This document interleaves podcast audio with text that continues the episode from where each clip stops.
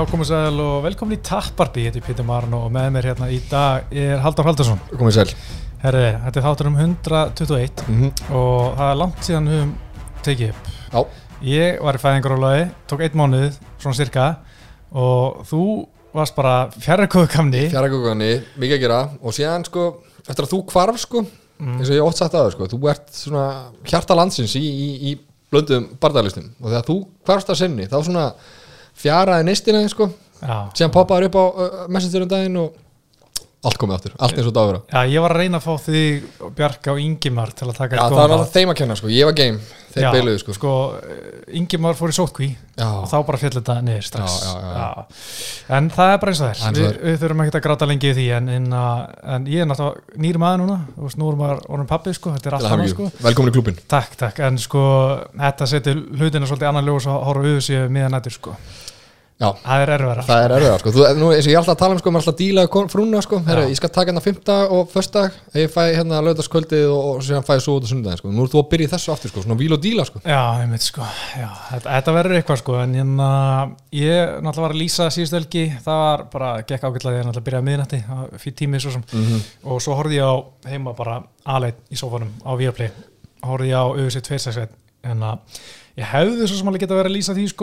fyrir tímið svo sem, og svo horfði ég á heima bara alveg í sófanum á Viaplay, horfði ég á auðvitað 261, en að ég að nefndi ekki að vera undurbúið mér sko, það tekur heldur langa tíma alltaf. Já, Já þeir voru bara með þetta ennsku hérna á jöfli Já, ég bara hendi það og það er bara fínt og góð gæði eins og alltaf og ég borga minn uh, 1500 kall á mánuði eða eitthvað, og ég þurfti ekki að kaupa peibrjú, sérstaklega. Gjöfin ekki kjált Já, helviti gott, en hérna við ætlum að fara í rýmislegt náttúrulega svolítið mikið svona fréttum sem kannski við erum ekkert búin að covera og eiginlega heldur ekki á síðinu, svona efni á síðinu búin að vera svona Já, það er dvala sko Ég- aðeins í dvala, ég er að reyna að pikka þetta upp hvað með þig, hvernig ætlað þú að pikka upp Herru, ég er búin að vera í smá dvala sko Já, heldur mikið gera, en hérna, þú veist eins og sem sagði við sko, þú voru bara að pikka í mig sko, þá pikka ég upp já.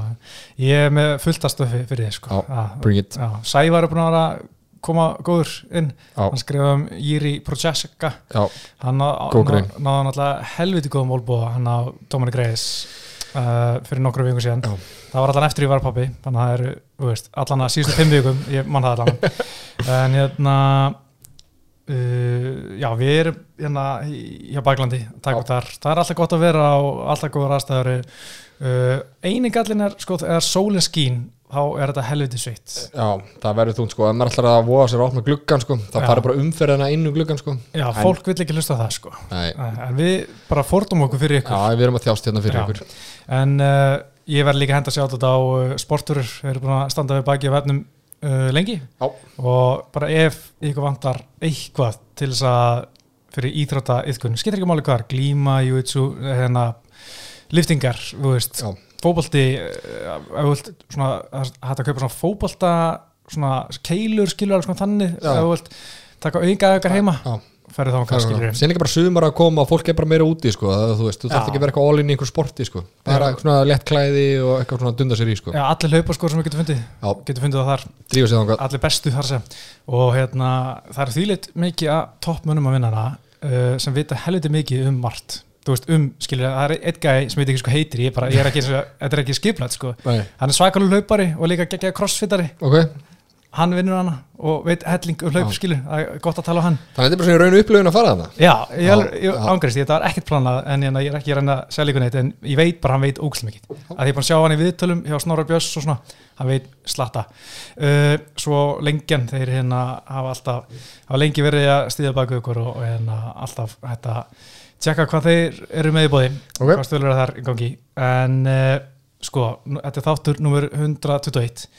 þar í gangi en nú- þetta er þáttur numur 121 og ég ætla að rifja upp þessi 121 og Haldur, hvað heldur þú að hafa verið að gerast á þessi 121 oktober 2010 Eh, Þú veist, hvað, ég, ég, byrja, byrja að fylgjast með þessu svona 2015, 16 og þá svona ala bara það Gunni og Conor voru slást sko. All in fyrir svona þrem árum sko. Þannig að þú veist að þýðir ekkert að spyrja með þessu Bjarki er alltaf hérna eins og batn á jólunum sko Já. fyrir þetta. Þannig að ég, ég ætla ekki að taka þrjum hans ég hef ekki hugmyndum hvað var gangi sko ég veit hann að hlusta, hann er fjara góða gamli en, að- en ég ætla að gefa vísbyttingu þetta var, sko, pay-per-viewið var 1 miljón og 50.000 þannig að árið 2010, Árið 2010 hverju voru stóra þá? Þú veist, er þetta Jones og, Nei, hann er 2012 eitthvað Já. sko. Þú ert ekki með það, ég heyra bara Þetta var Caín Velasquez Cain Velasquez og Brock Lesnar ah, Ég ætla ekki Þetta- eitthvað Ó, ég hefði ekki skjáð Ah. næsta Nei, ok en þarna var náttúrulega Brock mega- og tapaði titlinn hana til Cain Velasquez sko. Uh, í Honda Center sko. en ég man vel eftir þess að ég horfði á þetta Bjarnar Fel og þetta var svona eitt, eitt af þeim kvöldum sem ég kefti könnuða bjór Á samt öðrum skil, ég var ekki einn með könnuna Og Það er ákveðin stemning sko. Það er geðið, sko. Ég veit ekki hvað maður gera það ekki ofta sko. Nei, það er al alveg stemning. Síðast ég var í Þískalandi, þá var alltaf kanna sko. Já, það er bara miklu skemmtilega heldur en vera alltaf fara upp á hérna, barinn Eins og okkur lúði sko. En þetta var frekar leðilegt kart svona í minningunni en hérna Jake Shields vann Martin Kampmann hana og, og ég held að hann, hann fekk titilbarða gegn eh, GSP í kjölfari en svo var okkar allar besti Diego Sanchez hann vann. Paulo Tiago á þessu kvöldi og við munum tala hans nánar um Diego Sanchez á eftir. Ég get ekki byggðið en gaman hérna uh, sko, við ætlum að fara það kemur trillan núna Já, en síðan förum við yfir UFC 262 um helgina og svo tökum við svolítið frétti vikunar þar er auðvitað okkar allar besti Diego Sanchez, það er Paul Hotnið og Chris Weidman og John Jones að sjálfsögðu og, og allt þetta, en árunnu förum við það trillan. Herru, Boom Ultralight til, til hana sjálfsögði bóði Boom Ultralight, það er akkur bjórun yfir bördónum Herru, uh, ætlaðu að fara yfir uh, reglur það? ég svara bara eins hrætt auðvitað Rætt og ekki, já en ég spurði, ég er með fimm spurningar fyrir því Pintur Svara já en nei og síðan ætlaðu að hérna, fara yfir þetta að gera þetta upp í restina og þú gefur mér smá raukstuðning Herru, klára? Það? Já, Ef Michael Chandler vinnur með afgerandi hættu uh, um helgina þá undirstrika það að uh, Patricio Pitbull sé besti léttvíktamæður í heimi. Nei, Fú. Ef Tony Ferguson rótar Beniel Darius þá getur Tony beðið eftir næsta titibardaga nei. Ok. Uh, eftir bardagan um næstu helgi uh, þá munum við sjá léttvíkta beltið skipta um eiganda aftur á árunu Já, ok. Uh, það eru meiri líkur á því að John Jones segi skilið við UFC heldur hann fái það sem hann er að byggja um uh, það, eh, fyrirgeðu það eru meiri líkur á að John Jones segi skilið við UFC heldur en hann fái það sem hann vill fá borgað fyrir að mæta Francis Ngannou. Uh, meiri líkur á far, nei. Nei, ok, uh, eitt hérna sprell í lokin. Uh, Jake Paul myndi lifa af heila lótu á móti Canelo Alvarez. Í bóksi? Já. Nei. Hef heila lóti í bóksi Jú. ja, uh, uh, Einlóta. Einlóta, myndi hann lifa af. Þrjá- Þrjá mínútur. Framlyndur en ekki meira. Ok, herru, fyrir mér þetta. Hérna, Jóna, reyðgæði maður. Herru, Chandler, ef hann vinnur með afgerðandu hætti um helgina þá undirstrykar það að Patricio Pitbull uh, sé besti létti þú maður í heimi. Það var nei hann að bitur Já, sko, ég er alveg heitur fyrir Pitbull, sko En ég held að hann sé alveg gæti mögulega verið besti fjæðurvöktamæður heimi. Já. En hann er alltaf double champ í, í Bellator.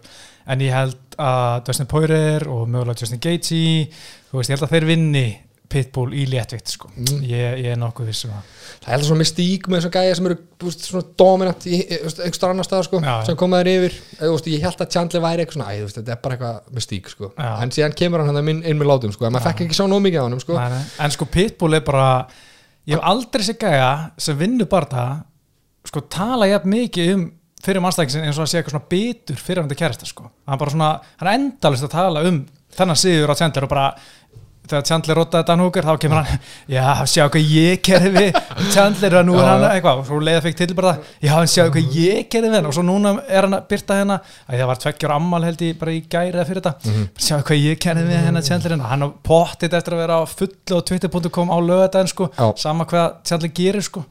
Já, það er svona smá eins og hann hafi tapa hann tala, úst, eitthvað svona ósækjað svona talar þannig á Twitter eitthvað svona svindl. Er Jones í honum sko, alltaf þegar ykkur, Já. eitthvað svona slást sem tengist honum sko, þá er hann á twitter.com eins og þú segir. Svo hann og Henry Sihút og eru svona mm. strákar, eh, leggja síma frá okkur aðeins. Já, já, þeir gera ekki. Herðu, ef Tony rótar Darius þá getur hann uh, beðið eftir titilparta að hafa neið þar Já, ég segi það að því hann er búin að tapa tömur röð Já. en hérna, það eru hann að gæjar. Sko, hann alltaf besti léttutumar í heimi er ekki að berjast um titil, það er Dustin Poirier. Mm. og svo er náttúrulega Justin Gaethje í hana. Já. og við ræðum aðeins eftir hvað við sjáum léttutin að vera að gera á þessu ári. En Ég ég, held að Tony sé ekki að fara að fá titil bara þá hann vinni eitt sko. En þú veist, hann var á svo geggju strikki um, á sínu tíma var hann kannski besti léttutumar í heimi. Í smá stundu ég já. veit það ekki Já. en hérna, var- fekk ekki þú veist að sína það þannig síðan, óopinn. Ég hugsa að hann var 13 eitthvað 13-0 ter hérna, Mhm. eitthvað sko. Ég bara hugsa, ef hann rótar hann einhvern veginn allir bara guð minn góður og þú veist, ef við fyrir þetta kannski betur við það eftir með, með léttutur, ég var eitthvað svona veltinu fyrir mér á þannig að um þeir eru að í dvala eitthvað en allana, höldum áfram. Um, svo við erum að sjá sko, annarkort vinnur Charles Orvela eða, eða Michael Chandler beltið núna um helgina og Já. við erum að sjá það eitthvað nýjan, hvaða? Já, ég er Ó, bara sorry. um og sigur hann þar á vinnur hann held ég kallt er það í garð okkar, í garð korormaður, já? Já, Herru, ok, uh, það er meir líkur á að John Jones segi skilið við UFC heldur að, að UFC, þú veist, tæmi vassana og borgunum. Sko það er bara svo ótrúlega erfitt fyrir Jonathan Dwight Jones að komast út úr svona samlingi, þú veist, hann er ekkert og hann aldrei að fá þennan penning neinstar, hann er ekki á þannig Bellator og PFL, bara ekki í nálat í og örgulega ekki að saman að fá í UFC þú veist, af því að þeir ekki með þannig Þú veist, ég, eina sem ég sé fyrir hann ef hann myndi taka eitthvað svona bóksleðan á þetta hann væri bara, hann stofnar sitt eigi promotion Mhm. og hann er bara, þú veist eventið Já. og hann er promóterinn líka Mhm. en það hefur enginn gert það hinga til síðan ekki fyrir mér gera það en uh, þú veist þessar uppæðir sem hann er að tala um þú veist uh, minnst ólíklegt að hugsi þú veist, beigi sig og hann gefa hann nákvæmlega sem hann vill en hérna en ég held bara að hann, þó hann vilji losna, Já, þá held ég hann bara geta ekki, sko, ef nema hann hætti skilur. nefnum bara hætti, skilu já.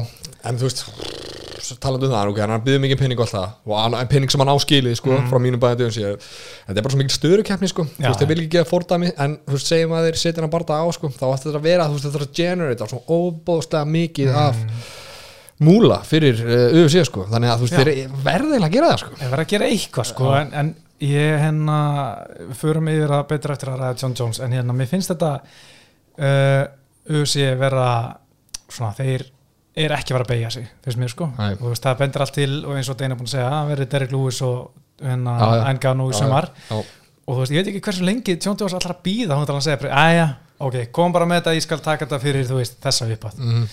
en já fyrir kannski yfir þetta Fyrir myndi, fyrir, herru, Jake Paul, hann myndi lifa af eina lótu gegn uh, Canelo. Í, veist, ég sagði náttúrulega fyrst nei en, en ég menn þetta er bara þrján mínútur hann myndi, hann myndi fara í eina hálfa. Mm. Sko, ég var hann ekki að slást bara eitthvað um daginn, Canelo eða? um helgina. Já, um helgina, þú veist, ég er ekki nóg mikið nýjum sko, en þú veist, ég var að sjá okkur klippur úr sko. Á, hann er flottur sko. Það er gaman að sjá svona rauðara Mexikana sko, Mm. það er eitthvað. Ég fíla það. En hérna, uh, bara þetta var, maður koma einu að, að alltaf, við erum alltaf eitthvað svona, svona semi að grínast og að grínast með Jake Paul á þetta boxan sko.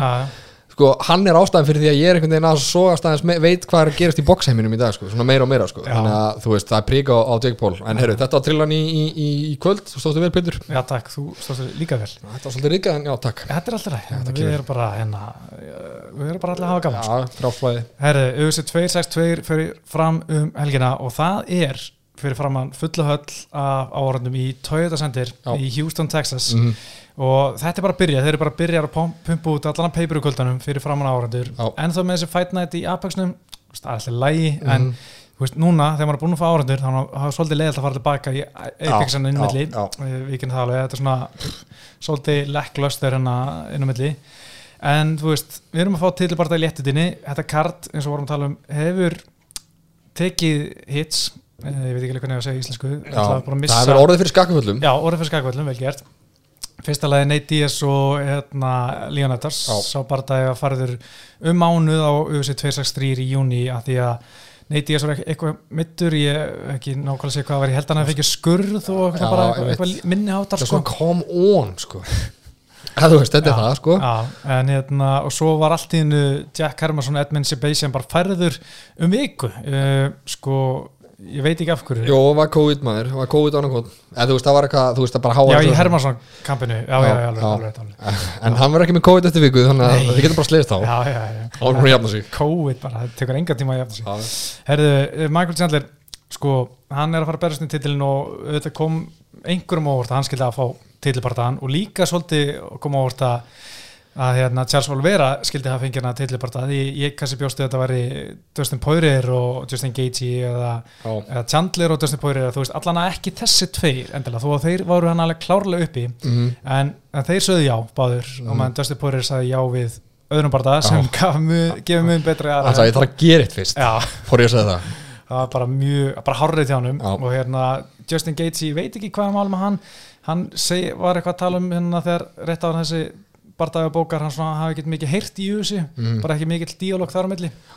Og hérna hann við sjáum til hvað og hann er heldur ekki ennþá komið með bókaðan barda þú veist, Nei. kannski er hann bara býð eftir að sjá hvað gerist þér og, og fer svo að stjá sko. hann er svolítið í þannig stuðu sko. En sem þú veist sko erum við að sjá hann að tilbara hérna? Uh, maður getur svona velt fyrir, velti fyrir sér sko, hvort að sigurverin hérna að það skæðin sem standi upp sem sigurveri eftir hann bara sé hinn sko óumdeilanlegi sigurveri sko. Af því þetta er einhvern veginn þú veist, Conor fór einhvern veginn á stað og, og, og fekk ekki kappi og tók hann, þú veist, Poirier sko. Og, og eru þetta game í, í peningin sko. Og, og síðan, þú veist, er þessi tilbara bara, já, ok þú veist, tökum bara þess að þú gæja skilur, þú veist, þetta, mér finnst einhvern veginn að þetta sé ekki, þú veist hvað að segja, þú veist tveir bestu já, og skilur, gæjin sem vinnur hann bara maður getur ekki sagt, ah, Nei, mitt, sko. sælmeistari það er sama eins og með Jan Blackweight sko, allir eru bara svona ok, hann er mestar núna en þú veist hver er í alveg bestur, er Já. að gæni Bellator kannski, er hann bestur, þú já, veist já, þetta er svona, en það þarf bara einhverja nokkra titilvarnir bara til þess að sína hans er bestur eða sá sem vinnur mm. eh, þetta verður held ég ég allan að, á það að léttu þetta belti verður smá svo heitt kartablað þú veist, Já. sem það vinnur kannski núna svo kemur Dustin Poirier, vinnur hann Mhm. svo kannski, veist, ég held að Dustin Poirier eigi ekkert eftir að berja snett svakalega mikið í viðbót, þú veist hann kannski tapa beltinu til, ég veit ekki, Justin Gaethje. Svo er alltaf nýtt komin einhver Íslam Magatsið hann að hvað, hvað sem er sko. Já, Þú veist, þannig ég held að þetta verður svolítið svona heitt kartabla næstu tvö árin, uh, skulum við segja. já, Það verður spennandi að sjá hvernig þetta mun þróast, sko, en, en hérna, Chandler, hann er náttúrulega átti frábæra frumurinn í januar, kom inn og rótað Dan Hooker og hérna, og búin að vera að gera eiginlega allt rétt, sko, því að við náttúrulega sáum hann fyrst hérna, vera svona backup hjá Kabi og Justin Gaethje hérna í oktober vikta sig inn og síðan hérna var Tony Ferguson að reyna að fá hann til að slást Já. í desember, var ekki Makachev líka einhvern veginn eitthvað þegar hann misti gæðin sinna á okkur tímapunkti, var það ekki að Já, jú, kannski og hann var bara eitthvað, nei, skilur við Já, veist, já. sko, hann vildi ekki berast í tóni í desember þegar hann var nýbúin að kötti í oktober og stuð hoppar á Dan Hooker í janúar og, og úst, kannski svona barða sem kom kannski pínuvort en, en hérna steinrótar hann kemur hella promo eftir á tekur stökki, þú veist, og hann svona semi kannski ekki stál en hann var með hellinga greinum skrifuð með sig eftir helgina, hann gerði eiginlega allt rétt. Þetta er, er, er, rétt akkurat sko, bara að teiki sem ég langa að koma inn á þetta, veist, hann gerði þú veist, hann kann að spila hann leik, skilur, hann kom ekki eitthvað og, og þú veist, slóst hann að barða og veist, eins og, hann gerði, skilur, rótaði gæðin og fór ekki bara svona, já, það er bara, þjálfurinn mínum að þakka og guði og eitthvað, þú veist, hann fór og kallaði út þrjá gæja, eins og segir, og tók backflip og eitthvað, veist, leikurinn var upp á tíu hjá honum, sko, Já. af því hann er ekki here for a long time, Nei, for a nákvæmlega. good time Hann er 34 Já. og hann ætla bara að koma inn með kvelli og hérna sína hans í bestur og vinna titilinn og allt það Mhm. og hérna, mér finnst líka skemmtilegt að heyra hann segja hann hérna, hann segir bara já þú veist, einhverjur sögðu nei eins og Dustin Poirier kannski og hann segir bara, mér er alveg sama, ég ætla bara að segja já og ég ætla bara að taka þetta og mér er alveg sama hver er á móti mér, því að hann hefur svolítið gert það gegnum fyrirlin, mm. hann hefur ekkert, ekkert svona ofugsa en á sín tíma. Uh, bara skýr markmið í þessu, hann ætla bara í bardaðan og, og, og ekkert annað, sko. Já, hann var náttúrulega í Bellator og mér fannst gaman í að horfa, horfa á hérna, Dean Thomas var eitthvað svona að kíkja á einhver hjá hann uh, veist, þá var hann svona, svona pínu svona eitthvað videodagbók þar sem hann fyrir hann heimilega hans horfir á eitthvað, hérna, þeir chilla saman og fara æfingu og, og þeir voru að horfa saman á hérna, Kevin Lee mæta uh, Charles Oliveira í fyrra og hérna, svona spjallibarta hann var skemmtilegt, en þá var hann einmitt að segja, þú veist hann var í Bellator, hann var bara eiginlega svona eitt af andlitu Bellator. Mm. en hann var meistarinn þar jú, þrísvar, tapaði beltinu nokkur sinnum hann hann samt sagði, þú veist, það er allir í Bellator, vita allir að ég get aldrei sagt þessi bestur í heimi nema ég sé í, össi það var alltaf í kollinum hjá hann jú, hann, veist, líkaði mjög vel við Bellator, fekk vel borga en hann var alltaf þetta, þú veist ég veit ekki hvort þessi bestur í heimi ekki. Já, en núna er hann bara komin í össi til þess að reyna að sanna það og, og sína fyrir sjálfur sér hvort hann sé bestur heimi ekki. Og hérna, það verður svona, hann getur vissulega sínt af helgina, hann sé einna bestu heimin en eins og við tölum á við viljum sjá hann á móti þessum Poirier og, það er alveg tveir gæðarinn í viðbútt sko, sem hann, og síðan veit maður ekki sem hann vinni. Mhm. þannig að hvað allir gerist hjá honum? Þá er það, er það relief ég, get sagt við sjálf mig ég er bestur heimi, ég, Mhm. er með titilin UFC hérna, þú veist allir, hann, þú veist, taki bara hérna uh, taki þá bara þann pól í hæðina bara, þú veist, herru, ég accomplishaði því sem ég ætlaði að gera og hérna, you can have, have this back. Eða allan að vera bara, herru, nú er hún meistari og veist, hver er næstur? Ég myndi halda það. Að það, Já, ég, þú veist, mér finnst, ég veist, auðvitað vil ég sjá það gera sko, ég er einhvern veginn veist, búin að ljúga því að sjálfur mér að, að ég sjá hann einhvern veginn bara svona, hú, herru, þetta er bara komið. Já, og nú Takk og ætlaði bara að bless. fara, já, nú ætlaði bara að fara hérna, fjölskylduna skilju mm, já. já, ég veit ekki, ég hef alveg trú að hann verði aðeins lengur. Hann er, hann er orðin 35, þess ekki, hann átti ammali um daginn hann er 24 apríl. Þetta versnar sko. Já, hérna, sko, ef við svona pælum aðeins í, í bardaðanum, sko, ég ætla, að, ég ætla að fara fyrst aðeins yfir í, ég var að lesa svo góða grein um, um baksugun hjá Olivera. mm? Hann ætla búin að vera helviti lengi í USA, en hérna, hann eh, kemur alltaf frá Braslu og hérna búin að vera svona lengi í USA, en kannski ekki alltaf svona margir að spá yfir, en þú veist, 31 og skamalt búin að vera í USA síðan 2010, ekki svo leis. Uh, hann var namlega, sko, kemur frá Brasli og í þessum slæmi hverfum og ólst upp í sama hverf á Neymar og Pele. Það var uh, hann var svo slæma liðagikt í öklunum sem krakki að hann bara tala um að hann myndi aldrei labba sko. Og þú veist, þá var hann í fótbolta á fullu já, og það bara, þú veist, aldrei að spila fótbolta aftur skilju, við veit ekki hvort hann mun geta labba aftur og hérna var líka eitthvað hjarta vandamál og hann var á spítal í tvö ár bara í meðferði þessu. Og það bara lá bara í spítalurumi í tvö ár. Sem, sem barn eða? 11 ára, 11 ára. eða það var búinn Já, 9 til 11 ára, þá var hann bara upp í spítalormi það er hefi sko. Já. og mamma og pappi, þú veist, vinna langa vinnundag, komast alltaf upp á spítala til hilsa upp á, upp á hérna strákin og spjalla við hann.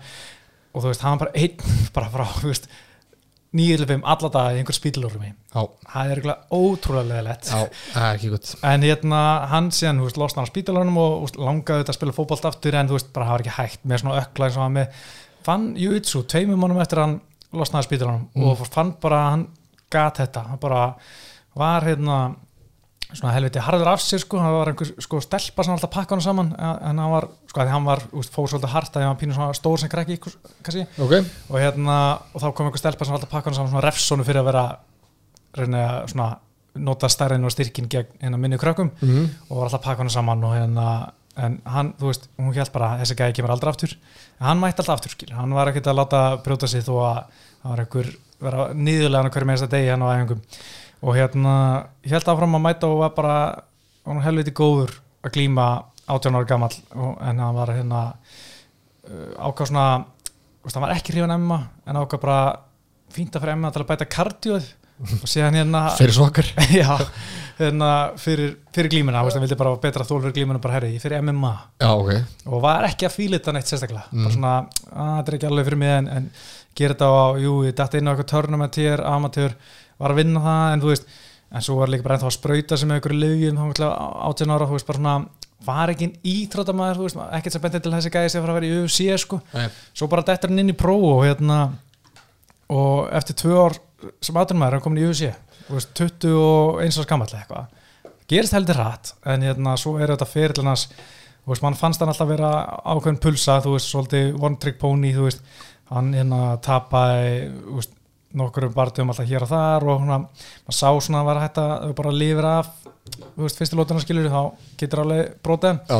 En þú veist, svo hefur hann bara þroskast helviti mikið á löngu ferli í UFC Farið sem er flokkverki, þá fór þetta eitthvað að gerast sko. sko hann alltaf byrjaði lettvitt, fór svo niður í fjæðarvikt og skeita á sig svona 20 svona í viktinu þar, Já. fór upp í lettvitt ennþá byggjum að fara niður í fjæðarvikt en, en hérna enda á að hérna verið bara svona kjöta sæðans upp í, í lettvitt sko Sko, þú veist, þetta er önnur svona fyrir síðasta hérna alvöru eða síðasta stóra tittubartan stípaði mútið en Ganu sko, þá fengum við svona hvað að segja svona erfiða eða svona, átti erfitt uppdráttar í æsku og mm. þurfti að yfirstíga Já, sko, al, alls konar hluti sko, og nú er þetta mætt aftur þannig að ef sagan allra endur taka sig og sagan segja ykkur eitthvað sko, þá er það Olivera sem hérna sem hérna stendur uppi sem sigurveri sko, en þú veist, eru að fara að sjá einhverja stjörnu fæðast eftir hennar bardaga? Eða Já, sko það er alveg, alveg spurning sko. Því að hérna já, sko ég held að það taki lengri tíma þetta sko. Já. en samt erum við að tala um sko Olivera er með flestar hengingar í sögu húsi, flestar sér eftir uppgjötu 14 talsins. Mhm. og það er bara svona búin að vera með þetta met í alveg smá tíma sko. Og hérna tvö ára eitthvað svo sko. En ég held samt svona að þú veist, hann er hann að vera einhver hjút stjarnar, ég veit það ekki þú veist, ekki, ekki Adesanya stjarnar sko, sko, Chandlerinn sko, þú veist, hann er svolítið basic sko, hann er mjög hérna viðkunnulegur sko, þú veist, hann er ekki með hann X-faktor sko. En sko, uh, sko ef við horfum á Olivera, sko, hann er alltaf frá Bras Brasilíu og það er rísa stór markaður og við kannski með okkar vestrannu glerum gerum okkur, gerum okkur ekki alveg grein fyrir sko þú stærðinni á, á stærparunni hjá honum skilur í þessum e, hluta sko og en, en rétt sem þú segir með Charles Olivera, hann er svona þú veist að, svona góði gæðin sko Mm. en eins og við erum að tala um á hann, hann kann leikinn sko, Já. þannig að ef hann kemur með eitthvað rugg núna sko, þá finnst mér vera svona smá glæta að hann gæti þú veist, rokið hans upp sko. Já, sko, á þessari sigurgöngu hans hefur mér fundið eitt ótrúlega fyndið, bara, sko, skiptir ekki máli hvenar, sko, þegar hann var að vinna kannski Kristós Giókos veist, í einhverju Sá Pálu og litli barndakvöldi í Brasilíu, þá var hann alltaf bara ég ætla að Conor næst um, um þú tala? Olivera. Olivera. Hann bara, veist, bara að vinna einhverja nobodies og bara, ég ætla að Conor næst. Og alltaf bara, þú veist, hvað er það að tala um veist, aldrei að fara á Conor næst. Hann heldur hann áfram að vinna. Alltaf að tala um Conor, þú veist, ef hann vinnur hann gæti fengið Conor nú er bara uh, kannski komið að því sko. Þú varst náttúrulega að skrifa hann þú varst að á Já, já, já, en þú veist, talandi um Brasilíumarkaðin, þá var ég svona búin að ótt að lesa um úst, ástandið þar, það var svona toppað þegar Vítor Belfort og Andersson Silva voru að berjast hana, þá var svona þvílíkur áhuga, þá var náttúrulega nógu era en þó kallinn sko. Og hérna svona meiri stjörnur, núna er alveg, þú veist, það er eitt brasilískur mistari, það er Amanda Nunes nei.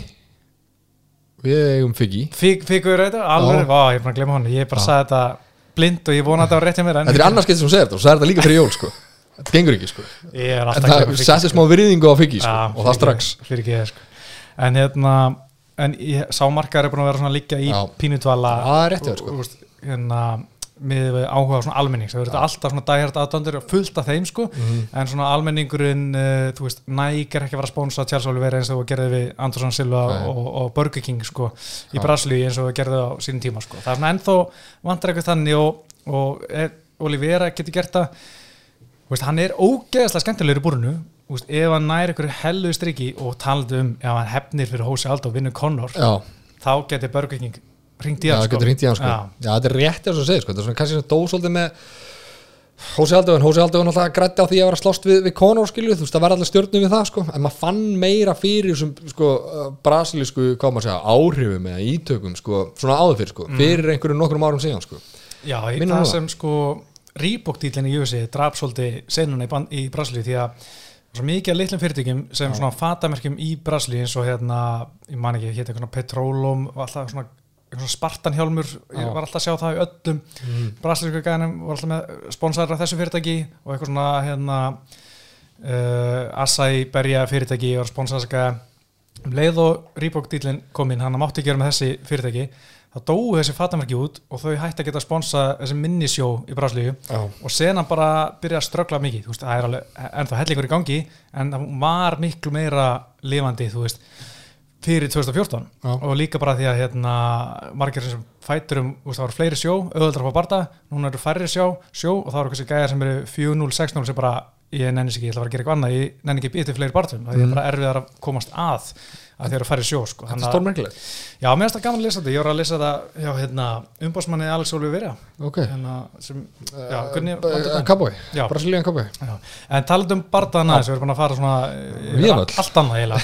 Hérna, uh, sko, Michael Chandler hann var í Bellator lengi og meistari, hann er fjóru sinni farið alla fimm lótunar, sko, hann býr alltaf að þessu og ég er alveg nokkuð sem að, þú veist, ef þetta dregst á longin þá muni Michael Chandler alltaf hafa svona yfir höndina, ég held að hann sé líka með betra kardio heldur en Olivera, Mhm. að ég er ennþá með þessa pulsu ímynd af Olivera, hann Já. muni brotna sko, en Já. ég er svona alveg að fara að skipta skoðun Já, við erum búin að segja þetta fyrir sko síðustu þrjú skipti og það, Oliver var voru bara, þú veist, hann er bara mömmustrákur Já. og þú veist, það kemur hann brotni og síðan er hann bara búin að tróða smá soku upp í ykkur, sko. sko, hann er sko með bara heila skúfa á sokkum upp í mér sko Hann var rosalegur á móti tóni, sko. Já, það var fáránlega góð framstæð sem ég bara, veist, þetta var einn af þeim bara sem bara svona ég bara veit að Tony Ferguson vinna. Veist, þetta var svona, ég var það viss, ég bara, Já. þetta var eins og svona Luke Rockhold og Michael Bisping bara, já, veist, þetta er svo gefið. Já, Ég bara, já, já, já. en það var svo alls ekki gefið ég bara þvílið rántur með hana. En Já, bara eitt sem ég mér langar að vel- velta fyrir mér sko, að þú veist, auðvitað er hérna Chandler hann er náttúrulega wrestler sko. Uh, og ég sagði þetta líka þegar, fyrir þegar Tony og Chandler voru uh, hérna að fara að slást sko, að Tony geti gerst alls konar svona hundakunstir sko, að því að hann er ekki hættu að vera tekið niður sko. Já. núna, þú veist Olivera er náttúrulega skrimsli í gólfinu og ef Chandler alltaf eitthvað að fara að bóra honum í, í gólfið sko, er hann að koma sér í hættu eða Sko, er hann með tólin í að gera eitthvað eða? ég veldi fyrir mér hvort hann bara svona af hverju ekki bara sleppa því Já. þú veist, af hverju ekki bara halda þessu standandi og hérna því að um leið og ert að fara í eitthvað döpuleg þá er hann að fara að grípa um hálsinn og er að fara að ógna og líka um leið hann tekið niður þá er hann, er hann rosa duglur að vinna bakinu að fara í triangle og maður blata arbar og hann bara, hann er stöðut að sko Já, halda þér, þú veist, hann er haldur, hal- heldur þeim gískandi svona, Já, þú er þetta að passa sig og, þarft að passa þér rosalega mikið í gólfinu á móti Olivera. Ég hugsa bara svona hverju ekki bara sleppa því, þú veist, allan fyrstu tvær þrjálótunar og síðan að koma meiri sviti voru sleift, bara svona, ok, ég get, ég get tekið það niður, Mhm. en það væri ekki nema þú veist, Olivera sé bara að vinna hann standandi þú veist, Já. það gæti Já. sko en maður sé svona sko, Chandler er klárlega með meira power er svona meira bara íþróttamæður, sko, veist, með stóra rass og sprengi í sér, sko. En hérna uh, úst, alvöru kraft og hérna höggþunga. En sko tæknilega sé veist, mér finnst þetta að vera mjög jæmt standandi þannig sé. En hérna en ég hugsa að, að Chandler sé með gott plan að hann og Henry Húft eru að plana eitthvað og, og ég sé líka bara stílinn hjá Olivera standandi, hann er með rosalega svona, stendur rosalega beitt sko, þú veist hann er ekki með víða fótus, hann er svolítið þröngur. Já, alltaf lappað um en svona setur hnén upp til þess að koma í veg fyrir að menn skjóti þú veist, svona hræða á, það er hérna að mæta já, uh, nota mikið framspörkin svona, með svona mútæ stíl svolítið standandi, svona sparkar mikið líka. Og hérna, og ef með hendunum í háttubi að ég hugsa að Chandler sé að fara að þrykja í skrokkin svolítið með, skrokkum og ég sáða líka í þessu Dean Thomas vídeo, þá var hann að gera þetta mikið, taka skrokkok, ég veit ekki hvort það sé einhver vísbytting, hann er líka, hefur gert það áður, hann er með góð skrokkok fyrst mér sko. Eh, hérna, allan voru líka þjálfur að tala um það. Að hann sé með svona Henry Húft var að tala um það. Hérna, hann er búin að þjálfa bóksara, kickbóksara fullt af MF-fætturum að þú veist að Michael Chandler sé með svona fastasta skrokkukið sem hann já, finnur fyrir sko Já, hann halda já. pötsum þannig ég hugsa að þú veist Olivera með galopin skrokk að Chandler muni þrykja þar snemma sko já, ég set alveg fyrir mér að þetta verður svona típist eitthvað svona grappler móti rössler en það endar síðan bara sem einhver úr bókspartaði sko, Mm. þeir vilja hvorur gefa inn í, í þú veist, styrk og sannar sko já, já, og ég hafði svona áhugjur ég hafði líka áhugjur fyrir síðasta bardaga þú veist það er svolítið svona hæðmunur á þessum strákum sko Mm. Chandler er minni og ég er svona þú veist hvernig ætla hann að loka fjallaðinni eitthvað skilur við, mm.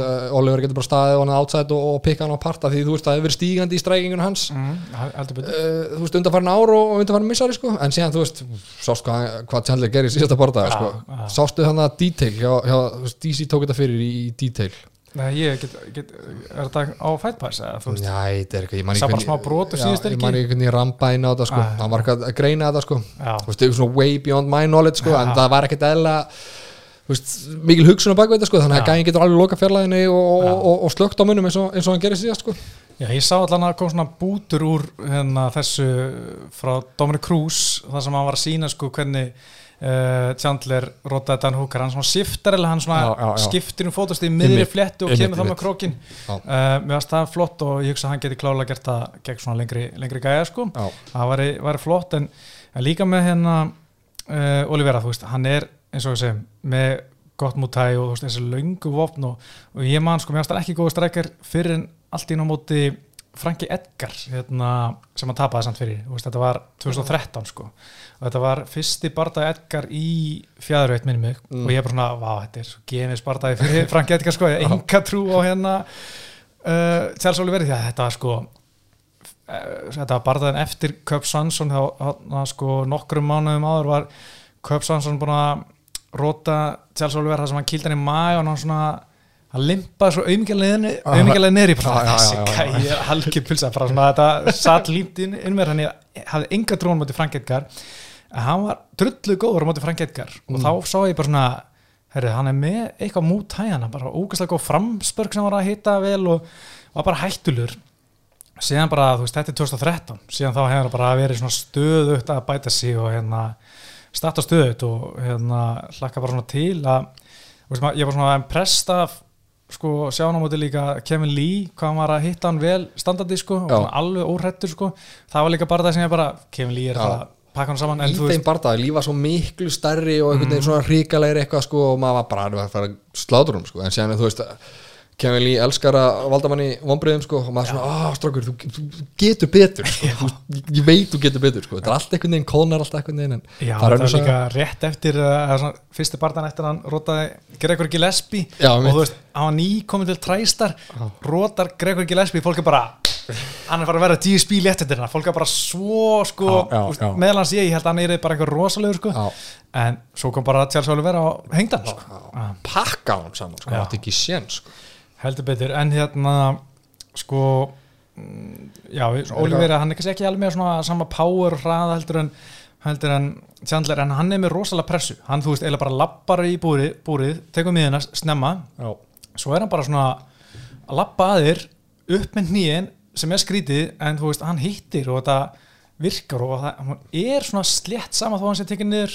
Þess vegna er hann í svona þröngra stuðu held ég. Kemst upp með þetta út af því mitt sko. Já, og bara svona alltaf að grípa um hálsunar og þú, veist, þú ert aldrei örugur eða eitthvað glímaðan held ég. Og hann líka bara líka móti uh, mann ekki móti hverjum hann bara svona greip um hálsun og svo bara hoppar hann gilutín og veist, yfirleitt þegar maður sér það bara svona, svona ah, og töpust það, hann klára það. Veist, hann er með það gott gilutín ef maður sér hann hoppa, þá er hann bara herru, ok, þetta getur verið eitthvað sko. Það er líka held ég bara sálfræði eins og þetta tala um sko, þetta er sálfræðilega þungur kross að bera að þú, þú veist, ert með gæði fyrir fram aðeins sem er einhvern veginn að pressa á þig og er svona, svona veist, læstur skilur, ekkert með það mikil þú veist, gefa það mikil færi á sér að þú veist eh, en hann er að því að því að hún er alveg sama þótt þú takið taki þig niður sko og, og, og, þú veist það bara, ég, get ekki hjólaði hann að gæða að tekja þig niður það er bara að vera að taka að mér eitt þriðja af vopnabúrinu mínu það skilur, það er svona, svona sálfræðilega íþingjandi sko og síðan ofanlega ertu bara með einhvern þú veist, motherfucker einhvern veginn. Að hunda elda þig sko. Já, heldur betur sko. En Chandler, sko, sko ekki afskara hann í glímin hann er alveg mjög lúmskuður að hendi í uppgættök hann er með alveg sjö sigra sjálfur Já. eftir uppgættök og aldrei tapa sjálfur eftir uppgættök þannig að ég get alveg ég myndi ekki útloka það, hann myndi í setni lótunum bara hendi í armtrængul bara á kreista þangu til Olivera sopnar sko. Já, gæti Eh, gert sko, en eitt í þessu sko að því að líka Olivera hefur söppar. Hann er með flesta sigur eftir uppgættök í USA en það er líka sko nokkur, úst, Anthony Pettis kláraði með gilotinni Ricardo Lamas með gilotinni og Jim Miller kláraði með hérna nýbar, þú veist hann hefur alveg tapað sko en auðvitað er hann búin að bæta sig hann hefur tala um eitthvað sem gerði sko pff, þú veist, 2014-15 sko en, eða þú veist, 16 það er fordæmi fyrir þessu að tala, sko, en þú veist, eitt með, með Chandlerinn sko, að nú verð ég bara viðkjörna það, ég séð útla mikið á hann að því hann er í Bellator og við heldum með svona heilt sko tapar um það okkur Bellator leiðilegt, það var ekki hægt að horfa það Já. Að maður alltaf bara að sé eitthvað svona highlights og eitthvað og maður svona, veist, ég veit ekki alveg allan að ég, veit ekki alveg hvað þessi gæði getur sko. Og svona loksins fæði að sjá hann í UFC og hann bara, þú veist, búin að klára bardaðan eftir 20 sekundur sko, Já. þannig að ég er ennþá svona, þú veist svona mín tilfinning fyrir svona gæði að byggð bara á einhverjum highlight-vídeum og eitthvað sem ég hef lesið sko. Já, sko, mér finnst líka uh, hans fyrirli Bellator, sko, eða bara svona pínu óöpinn hann skuli ekki eða varið titilin oftar, því að hann alltaf uh, sko vinnur hérna titilin af Eddie Alvarez 2011 í bara einhver besta barndað sem ég sé, veist, það ættu allir að fletta honum upp á YouTube bara fyrir barndað með Eddie Alvarez þegar hann er. Þarna 9-0 eða 8-0 segi og vinnur titilin og síðan tapar hann titilinum til Eddie Alvarez árið setna eða tveimur árið setna segi í hérna frábænum barndað tapar eitthvað fyrir Will Brooks sem allir held að Will Brooks er eitthvað þeng sko en sem kona hann fljótt niður að fór í öðusi en allan hann úst, vinnur titilin sin aftur úst, og hérna og maður held að þarna ok, hann er að fara að halda beltunni lengi mætir Brent Primus á New York kartinu 2017, sko, þetta var risakart öllu til tjáta Matansson Square Garden, Garden og hann lendir í hérna uh, bara, hú veist, einhver taug eftir hérna leggkík hérna, missi svona kraftin í löppinni, Já, já, já. eitt spark og hérna, og er TKO-ar í, eftir tvær myndir og þú veist, síðan alltaf pakkar hann Brent Primus árið setna, skilur minni titlun aftur. Brent en þú veist, Prímus? einmitt, gæði sem er ekki í allra vöru e, ok, og hérna, og þá held maður á hann titilin aftur og Brent Primus ok, nú er, nú er hann komin, veist, það, nú er titilin hérna hans bara. Og þá rota hérna pitbullan þú veist, það er svona, ah við finnst svona með smá hefni hefðan geta verið bara svona næstu því undefeated í sko tíu barðum mm -hmm. en það skilði kannski ekki öllum Já, máli en hérna. Pitbull rótaði hann í, í fyrsta róti eftir eina mínútu sem kom ótrúlega óvart því að hann var þá bara fjæðaveitumestarinn að fara upp Já, en hérna en hann er búin að gera vel síðan þá klára alla þrjá barða sína í fyrstu rótu með rótiki hann hérna Chandler síðan að tapaði fyrir Olivera nei hérna fyrir fyrir Pitbull. uh, Pitbull. en sko hvað segir hver er svona þín spá fyrir þennan barða? Sko, þú veist, ég nenni aldrei að fara í einhverju ídalar pælingar um hvað er líklegast að gera. Ég fylgja alltaf bara hjartan í þessu sko. Já. og ég vil sjá Chandler vinna sko. Ok, ég bara, þú veist, eh, hann reyf mig eitthvað eftir, hann, hérna, eftir sin síðasta barða. Á móti Tony? Á móti Já. Tony, nei. Móti Tony nei, Nei. Chandler, þú varst að tala um Chandler. Ég var að hugsa um Charles Olivera já, á móti, móti hérna, Dan Hooker. Uh, hann reyf mig bara eitthvað og það er eitthvað við hann og hérna fyrir kannski betur en það eftir að mér finnst uh, lettvitin verið í einhver svona smá lægð sko. Mm. þannig ég held að hann geti gert eitthvað hluti fyrir hana ef hann, ef hann, ef hann hérna já, geti gert eitthvað hluti fyrir lettvitina ef hann fer ekki í það að segja bara ve- vera sáttur sko loksins er ég búin að komplisa það sem ég ætla að gera og er hættur sko. Þannig að ef hann heldur áfram með hann eldmóð sko sem eru sínt þá hérna þá langar mig að sjá hann sem meistara og ég held að bara hann roti okkar, okkar mann frá Brasilíu sko. ég ætla að segja, ég ætla bara að segja Kei og önnulóta snemma. Ok já, ég er hérna sko búin að fara pínu fram og tilbaka en ég sagði uppalega Chandler. Síðan var ég að horfa á vídeo með hérna Chandler og Tim Thomas. Mér fannst þið verið pína vann með það vann með já, bara svona, já, ég fyrir bara ekki, nei, hérna, sæki bara, ég bara get ræslega, hann getur ekkert ræslega og þú veist, já, og ég, þetta var ekkert mál og þú veist, ég hugsa bara, Olivera er að fara gílutinnan eftir svona mínútu. Það verður bara eitthvað svona, what the hell, þetta verður vandrarlegt fyrir Chandler, sko, en síðan svona sá ég eitthvað viðtalum það, bara svona, ég veit að ég get ekki vann með, vann með Olivera, hann er fáralega hættulur og tala svona, þú veist, ok, hann, það er- ekki vannmatt í gangi, ég, var bara aðeins að mislesa í aðstæður hann held ég þannig ég held að, að hérna, Chandlerinn bara tíki og hann í svona þriðlóti já, og þú veist, hann setur upp hátt pace Olivera setur upp sama pace og það verður helviti blóðut Mm. fyrstu tvælutuna, síðan það fer að síga á aðralótuna, þá fer svona þólið aðeins að síga hjá já. Olivera og hérna Chandler tekur yfir og tíki og hann í þriðlóti Ok, þá er þetta núna í fjórða skipti sem við erum svolítið að, að, að hérna, gefa Olivera eh, ekki, en þú veist, við erum að spá gegnunum Já. en ef hann vinnur núna þá getum við ekki gert það aftur nei, Er það nokkuð? þú veist samt ef hann fer með Dustin Poirier það er það verður allan að daginn að velja Dustin Það verður Poirier að líka gera. Justin Gaethje og þú veist, ég veit ekki, ég Já, bara ok. er alltaf vannmyndan, þú veist, menna, ok, síðustu barða uh, móti, hérna Tony. Ferguson, ég ta- ég teipaði gegnum gegn Kevli, teipaði gegnum. Jared Gordon, nei, örgulega ekki. Nick Lenz, nei. Þú veist, David Teiman, nei, Jim Miller jú, ég örgulega teipa á Jim Miller þannig uh, þú veist, Clay Guida, kannski ég manna ekki, þú veist, þannig að ég veit ekki af hverju, ég er bara eitthvað ekki, þú veist, að ég finnst þannig, það er bara þessi Cup Swanson pulsuhattur sem ég Já, situr Já, situr í mér. Já, en þú veist, auðvitað geta menn þróskast og, og bætt sig andlega og allt það skilur verið orðið sterkari fyrir viki og svona.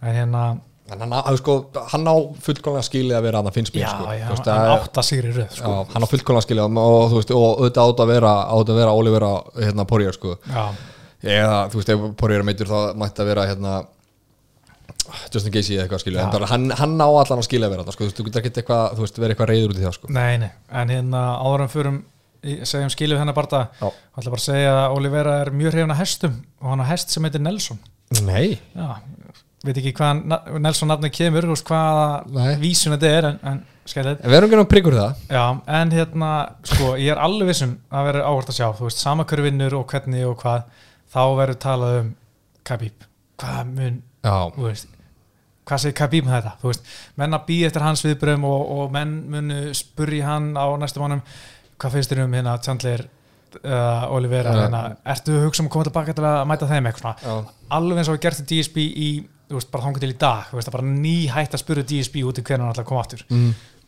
þannig að skuggi Khabib verði alltaf svolítið yfir þessu flokki þangar til að verði bara, bara, fæltur sko. ándjók sko, bara fram að 2029 eða eitthvað sko Mm. Já, var, það var einmitt kannski punktur sem við ætlum að koma inn á, þú veist, verður veist, er fólk tilbúið til að move on from Khabib sko, en ég held ekki sko, þetta Nei. verður bara að 2030 eitthvað það, verður ekki nei, sko, það mun taka tíma bara Já. og hérna bara eins og með GSP og þú veist, Johnny Hendricks tók, tók titilin eftir GSP leta hendi tapaði svo Robbie Lawler og mér fannst svona að Robbie Lawler veist, það var alltaf verið að tala um skilur það er ekkert margir sem hefur trú að hann myndi vera meistar lengi, þú veist, hann var underdog á myndi Rory og hérna allt þetta sko og hérna en það var svona inn og milli að vera svona skjótaðin, þú veist, hvað myndi G-Speaker myndi G-Speaker vinna Robbie Lawler var, er hann ekki ennþá besti heimi þú veist, það Já, svona þessi tónn í, í fréttum sko ég bara, ég nenni þessari umræði ekki bara, ég nenni ekki að fá þetta aftur sko. ég, ég nenni þessi G- GSP draug ekki og þú er þetta orðið einhver Khabib draug sko.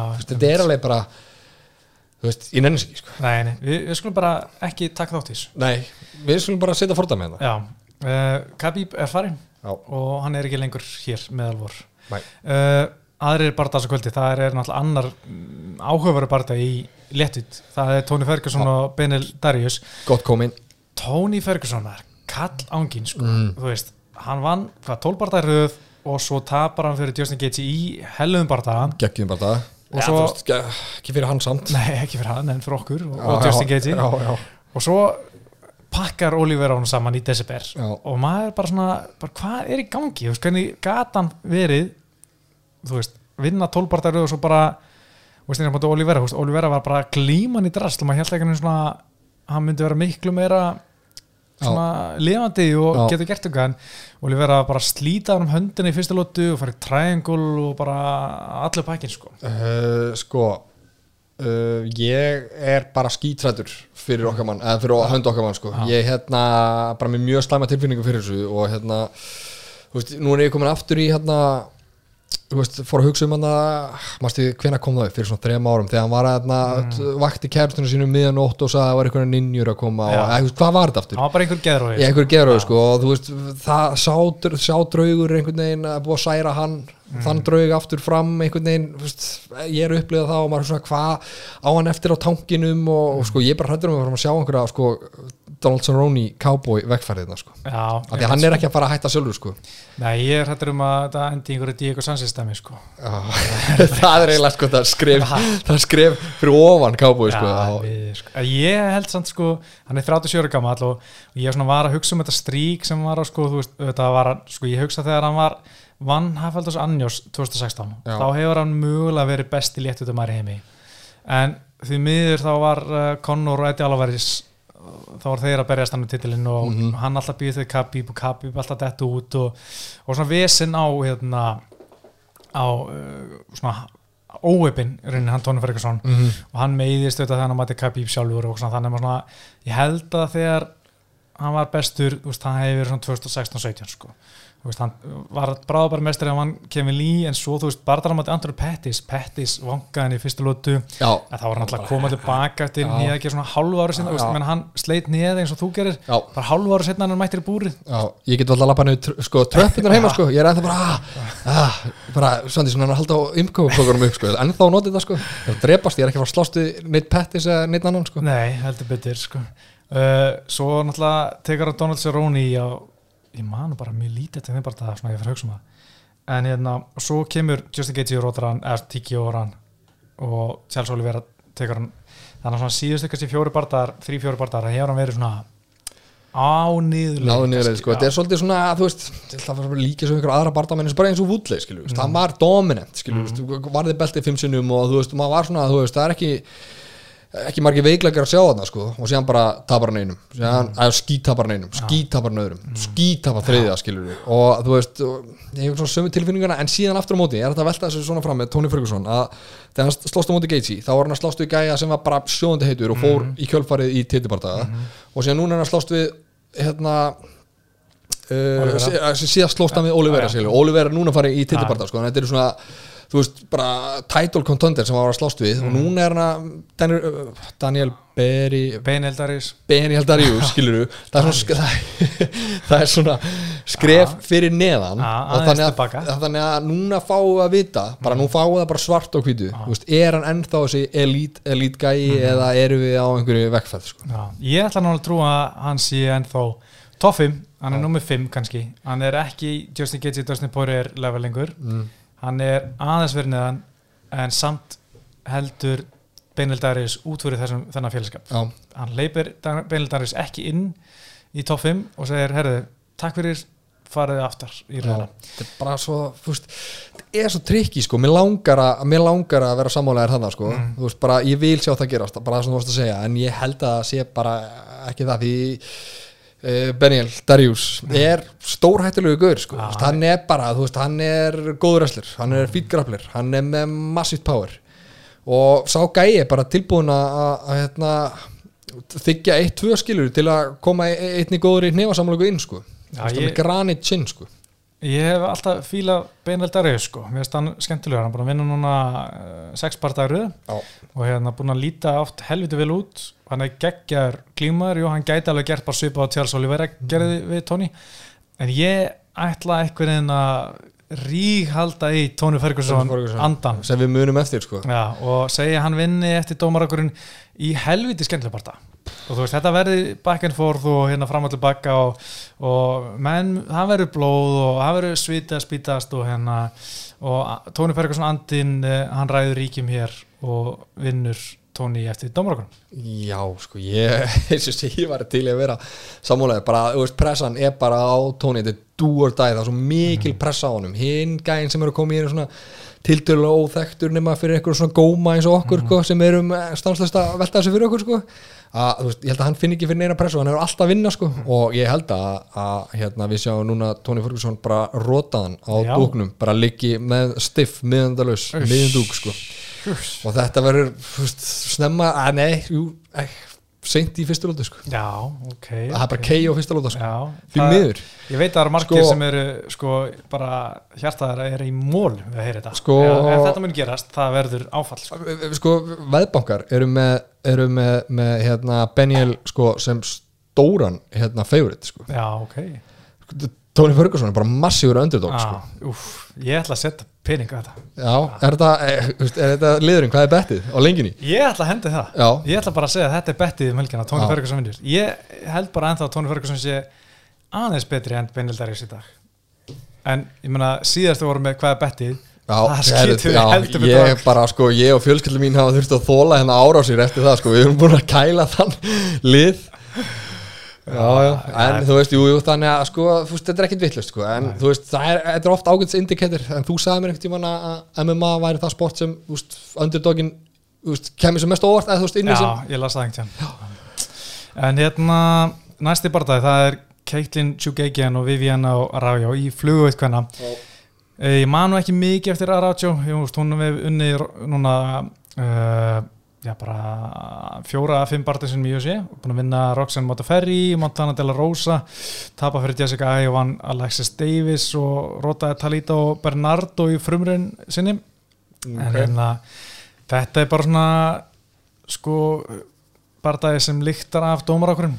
Og ég ætla bara að henda í Caitlin Tjúkækjan hún vinnur þetta, hún er ógeðslega góð í að vinna eftir dómarákurinn og skora stig og veit nákvæmlega hvernig á að vinna því að hún er með 15 sigra, 12 eftir dómarákurinn já, og hérna vinnur eiginlega bara alla svona nema, auðvitað, jú, Valentíni Sesenko og hérna Jessica András í einhverju svona point fighting. Hún er bara ógeðslega góð í að vinna eftir dómarokk já, ég er bara sammála hérna, þetta er líktara dómar ákvörðun og hún spilar þetta save og þú veist, veit hvað hún á að gera til að sigla þessu höfn, sko, veist, en hefur, hvað hva þýðingu hefur þessi bardagi, hvað, hvað gerist, veist, fyrir vinnurinn, hvað sjáum við næst, er það eitthvað til að tala um, er það ekki bara meina einn, tveir bard, svona, akkurat svona bardari viðbóta áður en að við getum fara að tala um einhver, einhver, einhver, belti sko þegar auðvitað er að vonast þetta að Ráðjó vinni því að Tjúkækjan er náttúrulega búin að fá sinn sens á móti Valentín og gerði nákvæmlega ekki neitt gerði ekki, það var ekki gott sko. og hérna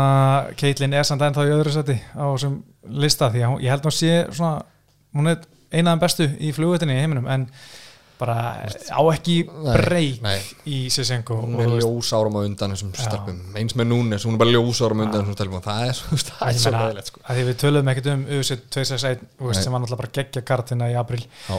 Sisenko, þú veist og Andras, við vorum svona aðeins bara, herri, þarna er komin einhver Já. sem er, getur ógnað henni við sögum það, bara allir fyrir loksis eitthvað svona spenna Já, já. bara átti ekki breyki eina sekundur sko. það var bara hún er aldrei líkleg sko. bara þetta var eins einhlega og það gerist sko. Sen er maður alltaf bara, þú veist, eftir, eftir þann bara dög að ég man við töluðum um þetta bara, þú veist, já, loksins er komið eitthvað svona, þú veist, við vorum að segja, við sögðum bara orðið, það er eitthvað annað, það er eitthvað annað og síðan, þú veist, eftir þann bara dög hugsaði, ég, þú veist, af hverju líi ég alltaf sjálfum þess, þú veist, af hverju er ég alltaf einhvern veginn búin að að ljúga þessu að það sé eitthvað annað, sko. ég er bara held það ég held Já, ég held það líka,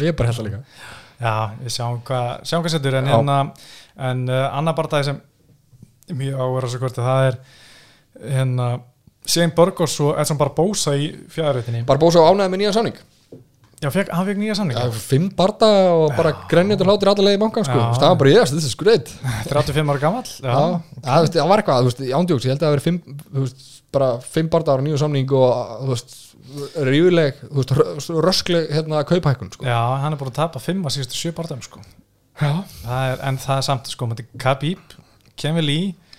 Justin Gaethje, Paul Felder og Dan Ige og, og töpunum móti Ige og Felder hérna, eftir klopna já, mjög, mjög tæft þegar alveg getur dotti hans En, en þetta voru allt samt, sko, þú veist, þetta voru aldrei eitthvað, ég ætla að skipta um stöð, sko, þetta voru allt eitthvað svona, ú, ú, ei, þú veist, svona, þú þú varst excited í þessum börnum, sko, Já. þetta, það telur alveg, sko. eini sem alveg pakkaði pakkan saman var Khabib og Já, Lee, jú, og líka hérna hann hérna Já, Justin Gaethje, já, það var alveg gaman að horfa þetta skilju það, það telji sko, ef þetta er entertaining Já. fyrir the masses sko að það færði smá break sko Já, ég klála og hérna hann er að koma tilbaka eftir sigur á Makkan Amarkani sem að svona, þú veist, ég held að hann myndi bara klára hann sko, Mhm. að hann bara bósa en, þú veist, eitthvað svona vantaði eitthvað aðeins upp á hjá honum. Hann er líka bara búin að fara niður og gefur þá sko, fjæðaviktinu svona aukið vægi sko, veist, Já. það var fullur reynd í í, í, í hérna léttviktinu Já, hann var ekkert að fara neitt lengra þar sko. En Shane Burgos er gæði sem er sko, mér finnst hann vera ógeðsla stór fyrir fjárhautina, ég skil ekki hvernig hann er hann er 1.80 hæð og virkar helviti massar líka með sko 192 cm af faðm sem nú bara Já. frekar langt fyrst mér í, sko Já, í hérna í fjæðarvit sko Já. en síðast tapa fyrir Josh Emmett í sama Fight of the Night sem ég bara skemmtilega bara það en sko það ræður náttúrulega pakkaðan makkaðan amerikani saman sko það var sko sko ég held einhvern veginn að að uh, Barbosa myndi taka svona svipalegi eins og, og Borgos gerði en Borgos bara jarðaði makkan amerikani í sko. Amerikani gasaði í annar lóti og allt Mm. það sko. Og hérna ég er hrifin að sen Borgos sko, mér finnst hann skemmtilegur sko en, en úst, Borgos úst, það er alltaf svona með Barbosa þú veist, ef þú pressar hann þá getur hann ekki sparka þá vinnur uh, Borgos er með alveg góða pressu, gott jafn og svona. En það er svona Barbosa einhvern veginn sko. Hann er drullu góður, veist, það er ekki bara nóg að pressa hann, hann tapar skilur, hann Nei, er alveg nei, með eitthvað svör við því líka sko. einmitt, einmitt. Uh, finnst þetta að vera uh, úst, mjög 50-50 þetta er svona einn af barða sem ég veit ekki tippa á því að ég veit ekkit alveg Ekki alveg hvað gerir, sko. Nei, Það er bara, þú veist, ég uh, ekki fylgst nógu grann með ferli Shane Burgos hérna, sko, þannig að Edson Barbosa á starri, sko starri hluta hjarta mínu, sko, þannig að ég held með honum. Já, ég ætla bara að tippa á þá Sein Borgas. Hann, Já, hann, ok. hann takir þetta bara. Í hvernig? Uh, bara decision. Decision. já, já, segjum það bara. Sí, ég sé bara Eds- Edson Barbosa með eitthvað gott kikk hérna í, í, í snemma í þriðu lótu, klára þetta. Hérna hauspark. Ég bara fíla það. Uh, það er svona uh, allt annað á kartinu þú veist, hérna Shakar er að fara á móti einhverjum Andri Múni sem hefur nú ekki farið mikið fyrir. Þetta síðasti bara þannig prílims þú veist, það er svona ég er bara ánæður að segja það með vinnu sko, veist, það er svona komið í þannig hjá hann how the mighty have fallen, sko. Úf, en þú veist, hann er alveg á síðasta snúning sko. Uh, náttúrulega er að koma tilbaka eftir þetta vandrarlega tap gegn Kevin Holland, þú veist, auðvitað Kevin Holland mjög snjalla bara kýla úr Já, einhverju stuðu já. En þú veist, samt sem er, þess að segja, þetta er vandrarlegt, sko. Ég meina eins og við bara sjáum bara Kevin Holland búin að tapa síðustu tveir partar Já, Shakari hefði alveg geta gert þetta ef hann hefði ekki verið kærulegs Já. á mótanum já og þú veist, jú, jú, Shakari er nú búin að tapa þreymur röð, þú veist, Hvað er hann gammal? Hann er 41 eða eitthvað. Já, 40 hlutabræðin í honum eru á sko Já. aldrei verið að lág núna sko. Já, já. Þannig að Það er allir að selja í honum akkur núna, sko. Engin að kaupa. en Andri Múnis, veist, það er Anna Brassi veist, ekki mikið fara fyrir hún, hann er búin að vinna tvo barndar í UFC annar eftir Arbar og hinn decision, mann ekki mikið eftir þessum, eftir þessum gæja sko en, en hérna, ég trúi nú ekki að vera en að Shakari eigi eitt eitt sigur inni. Já, eitt sigurinn í og og, hvað ætlar að sér að gera? Þú veist, maður er ekki svona, hvað ætlar, veist, hvað ætlar að gera og tapar og hvað ætlar að gera og vinnur? Þetta er svona Já. vondtæði mennir komin á þann stað sko. Jú, jú, já, það er, það er eitt en síðan er hérna á, á prílum líka Anna Tónia Sjösenko já, Já, Sessangu sýstirinn hinn Já, hún flýgur svolítið á því að vera systir, Já, systir sinnar það er stundu þannig að hérna, þú þarft ekki stundum að vera neitt ógæslega góður ef þú bara bróðin eða sýstin er klikku, klikku. Khabib á svona 100 frændur í þessu sko, og maður alltaf frændi Khabib og það fyrir alltaf að tala eitthvað um það sko. Já, og þú veist um leiðum að sé Nurmagomedov bara herri, þessi lítur að gæðu ykkur en svo er ekkert alltaf þannig sko. nei, nei, nei, nei. Það hérna, og sama með hérna Clay Guida, bróður hans kom í Ultimate Fighter einhvern 2008 og maður bara segja, já, hann lítur að vera grótar Já. að einn af svo vesti sem ég að mér séð tuff, sko hann var spikfeitur og skeit á viktinu og fór að grenja og, úst, í fyrsta þætti, svo bara, bara farið Svo farin, sko. Já. Já, þetta er brekka sko. þetta Já, var, var skellulegt sko já. en hérna, já ég hugsa úst, þetta verður svona prílinn sem svona það hefði náttúrulega verið betra ef, Jack Hermansson og hérna, Og- Edmund Sebastian hefði ekki dottið út og, og, náttúrulega Leon og, og Nate sko. já, það hefði verið svo slasi kart þá sko. Þú veist, nú nefnaði bara svona þú veist, svolítið svona uh, síðasta Conor-esk kart sko, þú veist, uh, main, og co-main alveg stekt sko. Eða, þú veist, og rest er svona já heldur betur sko. en ég, svo sem lítið annars sem ég ætla sko náttúrulega uh, hérna, lítið annars sem ég vil segja um, um þennan þetta kart sko Nei, er ég er ekki, ekki við miklu að bæta sko. um að fara í helstu frétti sístu vikna Já, og það sem ég langar helst að tala um og mest að tala um hvað heldur það sé? það er okkar maður Hérna Diego Sanchez Já, og ég var að reyna að muna hvað, hérna, Já. hvað heitir hann, stólu mér, maðurinn hans Joss Fabia Fabia, já. og maðurinn hans maðurinn hans, ég var að stólu mér, hvað heitir Þetta er eins og að horfa á bílslis í. Þú veist, Það eru allir sem vita hvað er mikið sturlun í gangi hana Já. en Diego bara sér það ekki Mhm. og er bara áfram með þessum gæðsjúklingi sem er að rústa lífin hans bara, bara frá A til U og, hérna, og við erum bara að horfa á þetta í beinni sko. Þetta er svo sorglegt sko. Sko, hefur þið séð hérna, Foxcatcher myndina, ef þið hefur hýrt um Fox, Team Foxcatcher, þetta er bæðið sko, Netflix mynd og svo er þetta leiki mynd með hérna, Steve Carell og, og hérna massaði gæðinu sem voru Warrior og Venom hérna, Tom Hardy. Frábæð mynd, ég mælu með að tjekka. Það er sem sagt fjallar um hérna, uh, tveir bræður uh, frábæra wrestlerar uh, átti ekki bótur boruna sem þráttur að vera olimpíu fara sko.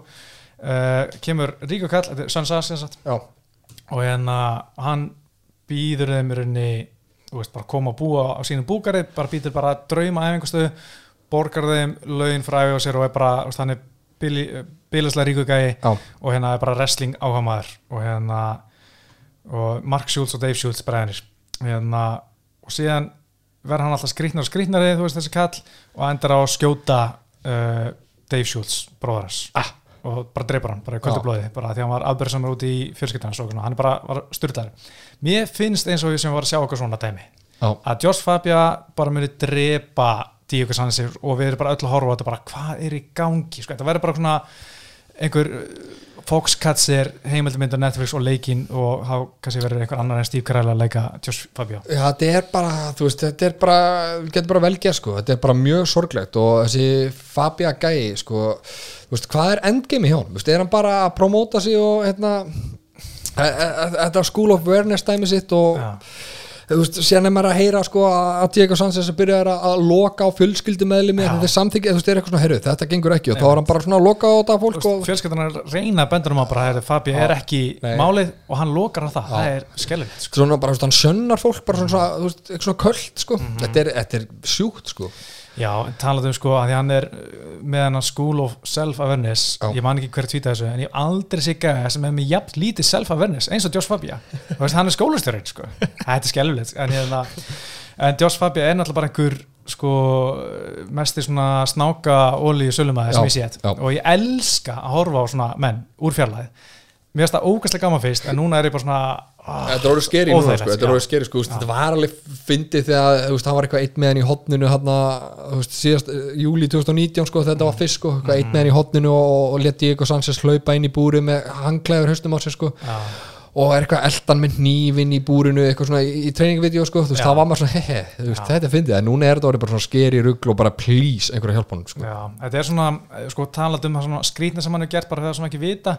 Þá er mitt, uh, sko Diego Sanchez var að mæta Michael Chiesa í hitti fyrra og hérna þeir eru að hita upp baksviðs og eitthvað saman Já, ég er að tala um það þá ekki ljópar inn með hangklæði já, já, já, já, og sko Josh Fabia tala við íþróttakomissjoni í Las Vegas, herru þau þurfa að sjá þetta tjókina því að þetta er death joke hann geti alveg drepið Michael Gisa Já, ég var að kenna honum þetta, já. já, ég að, þetta geti gerst skilju, við Já. verðum bara að vita þessu, hann geti drepið hann sko. Og þú veist, þeir sína hann þetta tjók og komissjonið og ég held að þjálfarinn, einhver annar þjálfari var að sjá þetta og bara svona eh, Þjálfarinn hjá Kies eða ekki Nei, Nei. við- eh, ég man ekki hver, einhver svona utan að koma til sérfræðingur, skilur við, bara, bara glímum gall, bara svona, nei, þetta er ekki verið að drepa neitt og það er bara góða á þetta, skilur Svo náttúrulega Diego Sanchez bara pakka saman Já, að kýja þess að, þú veist, bara átti ekki sens í eina sekundu. Ná- náðu samt að halda sér lífandi þú veist, hann var hann segur sko Hann, hann er segur, þetta, sko, og hérna svo náttúrulega núna, uh, já, er svo að segja, myndbata á honum að hlaupandi eftir Diego Sanchez í búrinu með hníf, þú veist, að kenna honum eitthvað. Já. Uh, svo, þú veist, núna nýlega þá var hann hérna, kom vídeo á hann sem þeir byrta sjálfur, Stíman Bonnar og að hérna, það sem Josh Fabi er að skamma auðvitað lýsendunum fyrir hvernig hann sjálfur og Diego er svona Portreyjað einhvern veginn já, í bara fjölmjölum og og eitthvað, að það tala er ekki þeirra hlutur, þau bara segja hlutin eins og þeir eru Já. og, og hérna, og Josh Fabi er svo mikið bjáni, hann lætur alltaf allt snúast um sig, Já. það er svo með mikla minnumáttukendi, ég aldrei sé gæja með jafn mikla minnumáttukendi eins og þennan gæja sko. og hérna, Erum ekki að gleyma það þú veist, hann, hann sko batt hérna Diego Sanchez á kvolfi skilur Já, og var það að kýla sko. Hvað er gerast þetta? já, og þá er hann að segja, sko, já, ég sko, kenna hann sko, þú veist, að það þarf að venjast í að vera kildur og fyrir ekki sjokk að vera kildur og höggi sig.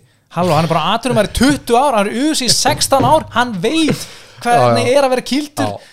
hann af öllum önum þarf ekki að upplega það að fá högg í sig til að venjast í, hann er bara kildur í 16 ár, Já, já, já. Þetta er svo bilað gæja sko. Það fór einhvern veginn að gerðist eitthvað þegar hann fór frá Winklejohn, hérna Diego, Diego Sanchez sko, þú veist, það var eitthvað svona upplið eitthvað svona hann fengi að John Jones væ- væri að fá alla aðtiklina og hún hérna Holly hérna, Holly Holm sko. Og upplið eitthvað svona minnum átt að kenna sem að fór sko og Guðmund Góður hann hafi ratað inn í fama Josh Fabio sko. Eh, mitt, sko líka þú veist, ok Sanchez hefur alltaf verið skrítin bara frá TUF 1, þetta er furðulasti gæði sem ég sé já. og það er alltaf sko, ég man bara þegar hann var að berjast í BG Penn, þú veist, um titilinn og hann var að gera svo furðulega hluti reyndar á sínum tíma, held ég að þetta var eitthvað klikkadæmis, eitthvað svona sem virkaði alveg, hann var með eitthvað, sko, hjálm á hausinu sem átti að gera eitthvað fyrir heilan hann, ég held að það var eitthvað geggjað en mesta snákáli dæmi í örgulega heimi Já, en já, hérna, já, já. það var eitthvað svakalegt dæmi en þú veist, síðan þá hefur náttúrulega tekið helling skada og hérna og er með samstarfskenninga núna uppi sko um að, að hérna, heldur að auðvisi sé að reyna sko hérna, drepa sig sko, þú veist að hérna með alvarlega ránkumit og auðvisi muni láta þetta lítið eins og slís sko, eða þetta- sko. sko. það er mjög Er þetta? Scary, eða, sko. er erum við að sjá það núna? ég held að það sé bara sitt að blanda bæði sko, Já, öllu bara. já, þú veist, hann náttúrulega með mjög steiktur fyrir Já. búin að fá allan að skada og þú veist, er kannski að reykja eitthvað með Josh Fabia líka, ég veit Já. ekki, það kannski bætir ekki ástandið nei, ekki að það sé orsökin, eina orsökin sko og hérna, Þetta er svona suðpottur sem er ekki góður sko. nei, nákvæmlega þetta er ekki góð blanda sko. Og þú veist, auðvitað sé náttúrulega bara hérna, ákværa köttan því að uh, ég man ekki, sko hann, þeir hafa ágjör að hilsu Diego, eða Diego segir ég hef ágjör að hilsu minni, þú veist og þá segir bara, ef þú ert ekki 100% þá færði ekki að berjast. Og þú veist, þá var hann bara kötta þeirra því að hann segir hann að hluta svo mikið skada úr ferðlunum sem er alltaf algjört lögfræði kopp át fyrir USA, þú veist, nefndi bara einn fætir sem er búin að lengi í USA sem er ekki búin að fá skada skilur Mhm, að þau vera mhm, fætir í USA bara Tony Ferguson skilur Já. en hérna, en þú veist, bara það að hann viðkynna, hann er ekki hann er með skada skilur, þá fríjar USA þessi ábyrðinu og bara, bara eins og þau gera sko. Og hérna líka Mark Hunt, Mark, Mark Hunt hann var að tala um minnistapi hérna í viðtali, hann man ekki hluti að því hann hefur fengið svo mikið heila skada, Mhm. þá var USA bara kvættar hann strax skilur, það er bara, eitthvað lína sko. En hérna, en þú veist, það er svo margt skrítið sem Fabia er að gera og búin að vera að gera alltaf tíman og, og Sanchez bara kóar þetta allt og, og kemur sér með þessa fáralegu ránkumindir og hérna og þetta er bara mjög svona bara hættulegt, þetta óþægilegt. er bara, þetta er bara, þú veist, þetta er harmleikur einhvern veginn, sko, þú veist, og ég vil velta fyrir mér, þú veist, hvort er betra? Hann hafi bara, þú veist, ok, sagt við sportið sem var auðvitað, hann er að taka skaðan á fullu og skrítinn, sko, þú veist, hvort er betra hann segi við það eða þá hann haldi áfram, sko þú veist, þetta er einhvern veginn svona tveir vondi kostir en ég held ándjóks að það hefur bara aðeins verið betra að hann fengi einhvern einn, að þú veist, búin að missa einhvern endanlega út í, í neyslu sko, þú veist, þú bara ser hann ekki aftur sko. Já, en sko þetta er náttúrulega átt að vera kveðjubardagi núna gegn Seróni, sko, það var talað um það. Já, við tölum nú oft um það við þetta var barndaginn sem við vildum sjá. Já, Sörróni já. mótið Sanchez. En, en Josh Fabia úst, hann raunir skemmir þetta með því að byggja um öll medical records yfir hann 16 ára fyrir í UFC og, allt það og það bara svona kom okkar að sjöllur og, og hérna það sko að- ég er alveg að vona að sko, sko það mun engin semja við Diego Sanchez, því að það er svona mikið rugl í gangi, maður er bara svona ef þú ert promotion sem semur við hann, bara segjum bara Bellator eða PFL, Já. þá veit maður úr bara að gera til þess að græða, skilur til þess að fá já. augu til að sjá allir að það er ekki allt í lagi þarna og hann Berjast, misnota aðstöðina einhvern veginn sko og þú veist, ég, ég ætla að tippa hann endi í hérna berin okkur, BKFC Já, já, já, hinn virtu, barndagstundum Já, með Paige Van Sant sko. Já, sko, ég, ég það bara vona ekki að hann gerir neitt en síðan aftur á móti, þú veist, BJ Penn skilur, Já. hann er ekki að gera neitt og það er alltaf verið að rota hann einhvern veginn á Hawaii og hann er einhvern veginn í tómu vesinni sko. Já, hann er alltaf með alls konar vanda þar líka sko. Þannig að það er voða lítið sem það er hægt að gera þegar menn eru bara svona á sinni braut, sko, sjálfs eðingar kvötin einhvern veginn, sko, er bara á fulli hjá Já, ég BJ væri bara til í að Joss Fabia væri þú veist, fyrir leiðir þeirra myndu skilja ég er inn á heimasíðinu eru núna, ég er að pælja á ég að sæna fyrir newsletter og ég setja e-mailið til þetta Pétur, Já, endilega. Hvað er ekki Pétur að mjölnir.is Jó, endilega. Jó. Eh, hérna, Þú varst að tala um endgemi. Ég held sko, búin að lesa svona, að, það, að þeir sko sé að plana eitthvað svona lögsókn gegn USA til að fá bætt það sem Já. Diego, þessi skaði sem Diego er orðið fyrir í USA Já.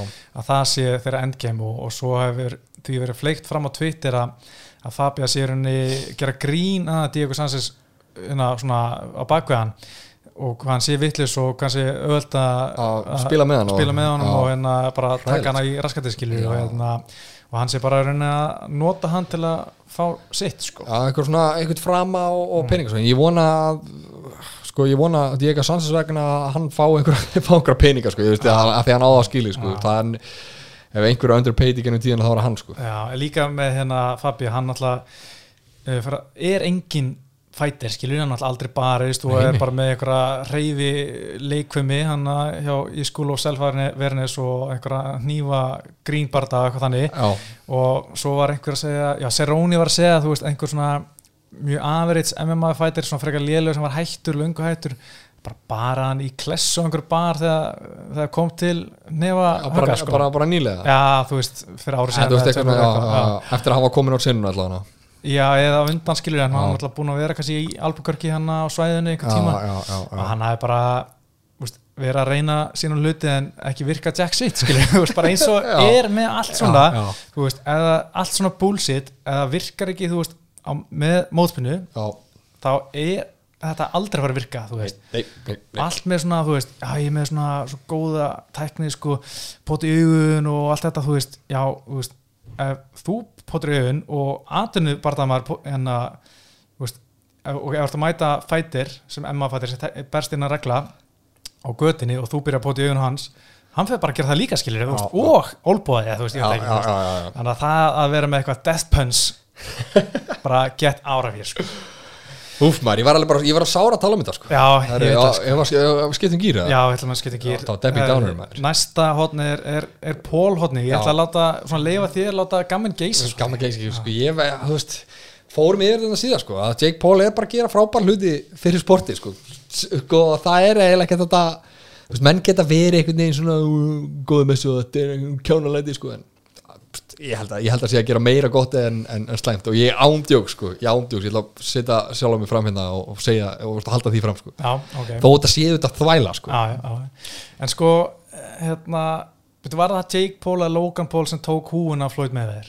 færið nú ég að bjarga, það var annað hvort, sko. Já, það var svona, ó, sko, Floyd með þér, hvernig getur látið plataði út í þetta? Já, þú veist En samt vel gert hjá hann að æsa hann upp skilur Já. og þú veist, þetta fekk hitt svo ég menna það er, veist, sýstur kæristum minn að spurja út í hvað er það? Þessi var að bera þessi flóit og þú veist, það er spurja mig aldrei út í neitt Nei, nei, í barndæmin, en þetta var eitthvað sem greip þær, skilur þetta er svona að tala um sko. Já. þetta gefur með fólk sko. En það er voru líka bara bjánulegt, er flóit ekki, þú veist, 40 ára pluss og tókst húunum mér það þú veist líka pælið að Conor var með, með Floyd skilur tók hérna fjóra-fimm túra og var öskrandi framan í hann og aldrei deplaðum tók hérna eina veist, eitt kortir að tekur á húuna og þeir eru hlaupandi eftir hverju öðrum hérna veist, eins og skólalóðin sko. Það er, er pínu svona ah, en ég bara, þú veist Ben Askren fekk miljón dólar í vasan minn maður. Já, en sko, ég veit ekki hvað flóit er að þessu, þú veist.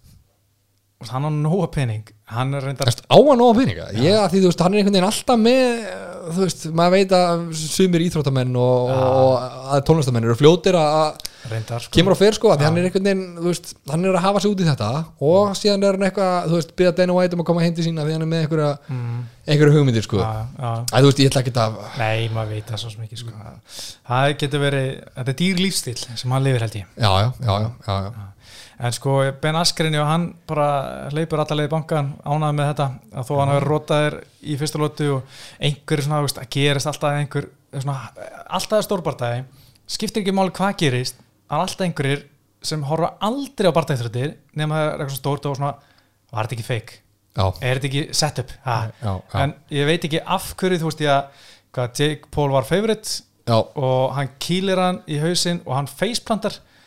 Þú veist, ég, hvernig er- hann að geta já, tekið Ben- dífu og faceplantar Eftir skilja ef þetta var feikt var Ben Askren besti leikur í heimi sko, ætti hann að vera eitthvað núna að leiki í, í bíómyndum sem eitthvað svona stöndgæði sko. hann og Altamir Störling getur verið með námskitt þú veist, ég veit ekki Uh, já, uh, sé bara Jake Paul, hann var vinnurinn í þessu, hann hefði ekki neitt hann var bara eitthvað heima í fyrstbyggólu að geta kleinur hingi sko, Ben Askren, já, Já. hvað sagði ég? Jake Paul. Já, Já. Ben Askren er vinnurinn í þessu. Já, hann bara meðast hann þetta hérna fyndi þegar hann að tala um þetta hafi gert svona 1,5 miljón pay-per-views veit ekki þetta er allt óstaðfasta tölur. Já, með bara svona fyndi, þú veist sko þetta svona segir alltaf, þú veist, fólk vill ekkert horfa á bestu bardamanni heimi fólk vill horfa á einhverja þekta gæja sko, og þetta er bara sama með, þú veist, OnlyFans og Clown, þú veist, ég sá þetta, þessa lýsing einhverstað annars þegar ég er að stela þessu, þú veist, það er til svo ógeðslega mikið að fríu klámi á netinu, bara, og gætir ekki hægt að horfa á það, þú veist, ef myndir eða öllum deginum að horfa á fríklám þá myndir deyrð og myndir ekki ná að klára Þú veist, það er bara, það er bara það mikið Já. og bara gætir aldrei klára þetta, hana, veist, mik, þetta miklu magna klámi sem er á netinu, en samt er bara bilað markaður fyrir að borga að því þú vilt horfa á einhver svona þekkt andlit Já. fæka fötum. Eitthvað svo, þekkir eitthvað svo kannast við, eins og Jessica Æ, skilur ég var næst, ég var næst í búin að skræpa 30 dólar, næstu voru 30 dólar mínir hennar, sko, bara því þetta er Jessica Æ, sko. Lítið ekki vera þú það það, það er sama með þetta, skilur, þú veist. Þú, það er fullt af barndum úti, bara há- háklasa barndum, bóksbarndum, en að þú ser einhverja tvo gæja, eða gæja eins og Jake Paul hérna, sem er þekktur og viltu sjá hann berjast, skilur, Já. þú veist. Það er þessu. Já, það er bara þannig, eins og það er. En hver er þessi barndagi? Logan Paul og, og Floyd með þeir, þeir, þeir pussu þessu, eða þú veist, þeir cancelu þessu eitthvað Já. síðast eða eitthvað, farið þetta eitthvað? Já, já, ég bara veit ekki, sko. Nú, Bjarki, já, Bjarki, ríðið í gang, sko, Já. hann ætti að vera hann með svörin sko. Já, hann hann bara komst ekki því miður sko, það er það leðilegt Já. uh, er, Chris Weidmann, hann braut á sér fótinn og það það var var hræðilegt ógæslegt en hann ætlar ekki að hætta. Hættu þessu, hættu bara. Nei, hann ætlar ekki að hætta. Já, en þetta er svona, þú veist, ég hugsa að það sé betra brjóta sér fótinn svona heldur en að slíta crossband sem íþróttamæður, þú veist, þetta fyrsta Já. sársökinu er hræðilegu fyrstu dagana, skiljur en svona sem svona komið tilbaka já ég geti gett trúið því, sko Já. Þetta græður örugglega betur, en þú veist ef ég ætti að velja, sko hvort myndi fótbrota svona eða crossband og ég, ég, gert annað, sko, það Já. er örugglega crossbandi, sko. Já, já, ég held það líka sko. Ég hef ekki brotið sköflangin en ég sliti crossband og Það er bara, þú veist, þegar þetta gerist eins og með Anderson Silva og núna með Chris Vætan þegar þeir sko brjóta sér löpina, Já. þeir sveifla löpinu fram og sparka og löpin brotnar og horfa Já. mittbandi, það er ekkert það vant en þegar þeir setja hann tilbaka Já, og stíga ó, í hana það er eitthvað sem sko þú veist, það er eitthvað inn í manni þegar maður sér það sko. Já, það er eitt að ljótast það sem maður sér bara sko en, en, En hvað er hann að tala um? Bara, já, ég er bara, þú veist, ætla bara að gera mig annað tallarunn og setja saman okkar sigra og sjá hvað gerist Ég það. menna, komin í gimmi eftir sex, sex mánuði og Hættu þessu. Menna Hann átti, þú veist, að fólk var að tala um hann ætti bara svona, þú veist, er ekki komið gott innur, þú veist, fyrir þennan bara sko. Já, menn er bara að tala um það lengi sko en hérna, ég menna, hann er 36 ára sko og þú veist, ég held að hann verður svona aðeins of lengi í bransanum sko mm. en ég meina, við horfum bara, þú veist, Anders og Silva hann braut sköflinginu sér í júli 2013, hann var mættur í desember 2013 í búrið á móti Væðmann, þetta er hálft ár, uh, byrja, slóðist þið þrísvar eða? nei, þú veist, uh, Já, og já, Silva rót- að róta- róta- að rótast þið fyrir Nei, sorry, ég er að horfa á villis að gæt Jövill er ég er, ég alveg í bullina. Þetta var ár og milli hjá, Silva sko. Já, ok. Þetta gerst náttúrulega auðvitað í, setni barndanum við Vætmann sko. Hann mm. hérna Hann, uh, desember 2013 Möllbrotnar fóturinn á András Silva Silva, hann er Já. mættur í janúar 2015 Já, Djöfull, Hvað raun, þú veist, ok, hann breytir svo leppur hann það, mann ekki veist, mann ekki alveg nógulega, hvað, hvað gerði hann eftir, eftir veist, fór hann þá á þetta, þú veist, hann var að tappa eða, þú veist, gerði hann eitthvað eftir þetta? Hann vann eitt barða, Derek Brosson En svo sko Og hann, síðan er bara komin 2020 hann er ennþá að slást og er þetta hættur núna, sko? Já, já, hann var að lýsa því, því að hvað er það, núna helgina eða eitthvað, stutt í það. Já, hver, móti hverjum áttur? einhverjum sonur einhvers frægur, ég man ekki hvers en hérna, Ok. já við getum örgulega flett í upp hérna en, en uh, Ég ætla ekki á, það er eitthvað, kveikir ekki í mér, sko. nei, nei, nei, nei, nei. já, það uh, skiptir ekki máli. Uh, sko svona uh, Conor, hann er á toppnum á Forbes listan með Á, tekið hæstu íþróttum en ársins Ársins. Það var að tala um þess að frá 1. mæ 2020 til 1. mæ Já. 2001 þá var Conor með hvorki meira nefnir en 180 miljónu dollara og hann á topp Þú veist, við erum að tala um, hann er, hann er Harry en Ronaldo, Messi, Lebron James, já, þú veist, einhverjir hafnaballamenn sem engin veit hverju er en alltaf með ógeðaslega mikið borgað. já, Þetta er styrla, en er þetta ekki þarna, þú veist, sko þetta er 150 miljónir frá Proper 12 sölunni já. Það seldi viskið sitt fyrir 150 miljónir dollara 22 miljónir fekk það fyrir Dustin Poirier-bardan Já. samkvæmt Forbes að, og svo eitthvað fleira frá hérna, DraftKings og eitthvað svona sponsið, sko. sponsið, sko.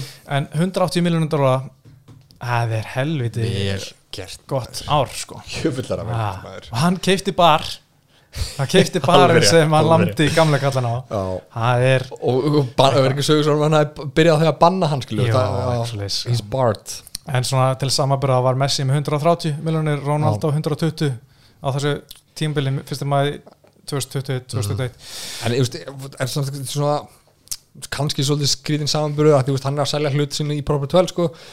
Veit ég ekki alveg, veist, ég held, ég get ímyndið mér að, veist, meiri, allan meiri hluti af hildateikjunum séu, hérna, veist, laun íþróttamannina, að þú veist, Kristján Ronaldo er örugglega með meira í laun, þó sé með, þú veist, örgulega góða, góð, góðan skerfi í spons, sko. mjög misjant sko, sumi voru svona 50-50 sko, ég Mm. held að Ronaldo og Messi að veri báðu svona kannski 70-30-70 sko, þetta var svona on the field, off the field listar sko. Uh, Roger Federer, hann var með svona 3% on the field. Restin var bara off the field sko. Já, já, já, hann var að tótt í það er helviti vel gert sko uh, já, þetta var mjög misjætt skipting sko, Lebron James og með miklu meira off the field heldur en on the field sko. Mm. hann, já, Og ekki er þeir eitthvað að lepa döðun og skil hana? Nei, í, nei, í launum, sko. nei, nei, en vel gert á vel, Conor vel gert. Og það, það, er samt bara, mér finnst það svolítið spíka valjum fyrir, fyrir sporti sko að það sé, þú veist uh, MMA bardaðamaður á, á topnum sko, Já. þú veist, það, mér finnst það alveg Æ, mér finnst það bara einhvern veginn jákvæmt fyrir, fyrir, fyrir sportið sko. Hann er risabrand.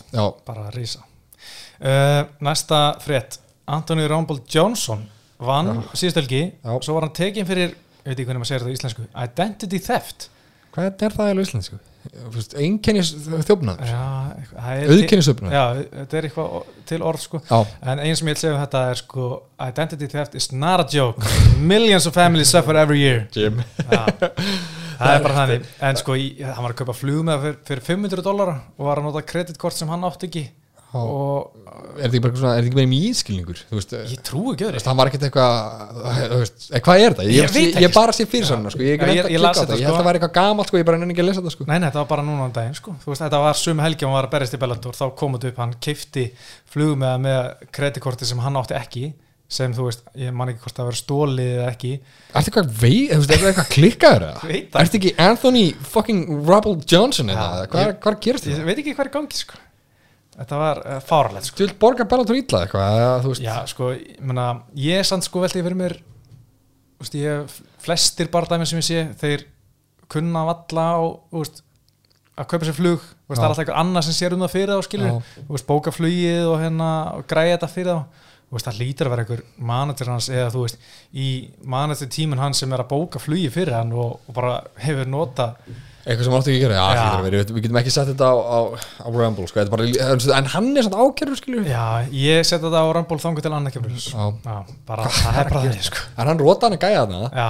Ok, eitt er það, uh, off topic hérna, hann rotaði hennan gæja, uh, Antoni rotaði hann að gæja þarna, átti náttúrulega að keppa við hérna Romero. Romero Uh, hvað verður um Romero núna? Þú veist að þetta er tournament sko, nú fyrir Antoni áfram sko, kemur þá bara Romero herru, hérna, ég er að koma, býðið eftir mér en þú veist, hvað gerist? Að þetta er, þú veist, þú ert svolítið bundin við þetta tournament sko þetta er náttúrulega gallin við törnumætti sko. Það er helviti skemmtileg en þú veist þú má ekki, gerist- má ekki mikið út að Nei, bræða sko, það er þú getur eiginlega ekki skili Romero eftir eitthvað lengi sko Þetta er nefnilega ástæðan fyrir að UFC vil ekki vera með tournament sko. þeir nennar þess ekki sko. Já. en ég menna Johnson er að fara í meistarann Vadim Nemkov næst uh, sem, ég man ekki alveg hvernig það verður einhvern veginn sumar held ég. Já, en svo er bara Ryan Bader, Corey Anderson hinum einn og Jól Romero bara veist, ég ég býð bara eftir veist, Þetta er verða eiginlega að gera sko. Ja, kannski fer hann í eh, eitthvað bara henda einhverju pulsu í hann Hósi getur tapar fyrir Römból bara. Getur verið til vara næst eða eitthvað, Já. en já, þetta er svona, þetta er bara að brjóta heilinir þessu og þetta er bömmur sko. Já, en hérna förum aðeins í John Jones því að nú er náttúrulega, fórum aðeins yfir þetta hann uh, Francis Ngannou og Derrick Lewis er að fara að mætast vantarlega sumar, segir Dana White ekki búin að staðfesta þetta, skilur en John Jones situr þá eftir með ekkert í höndunum Mhm. og hann er ekki búin að berja sinni í februar 2020 og er ennþá býði eftir alvöru payday. Það er það sem hann er að býða eftir og við viljum sjá hann fá alvöru payday. Já, þó hann sé ekki að svelta en hann veist, er bara þess virði sem brand en hann ætlar bara að býða hann ætlar ekki að fara í stípi eins og Deina var eitthvað að tala um, hann er bara að segja nei, ég er ekki að fara í stípi nema að sé einmitt. Og hérna en hann er sann sko, er eitthvað gangi honum, hann er að fara að hitta Hunter Campbell sem er svona einn af svona business stjórnendum hann í USA Er ekki yfirlega fræðingur hann eða eitthvað? Jú, held að það sé, Já. það sé lögfræðingur sko. Mhm. þeir eiga vist mjög gott samband svona, businesslega sko, geta rætt á þess að allt fari í háaloft.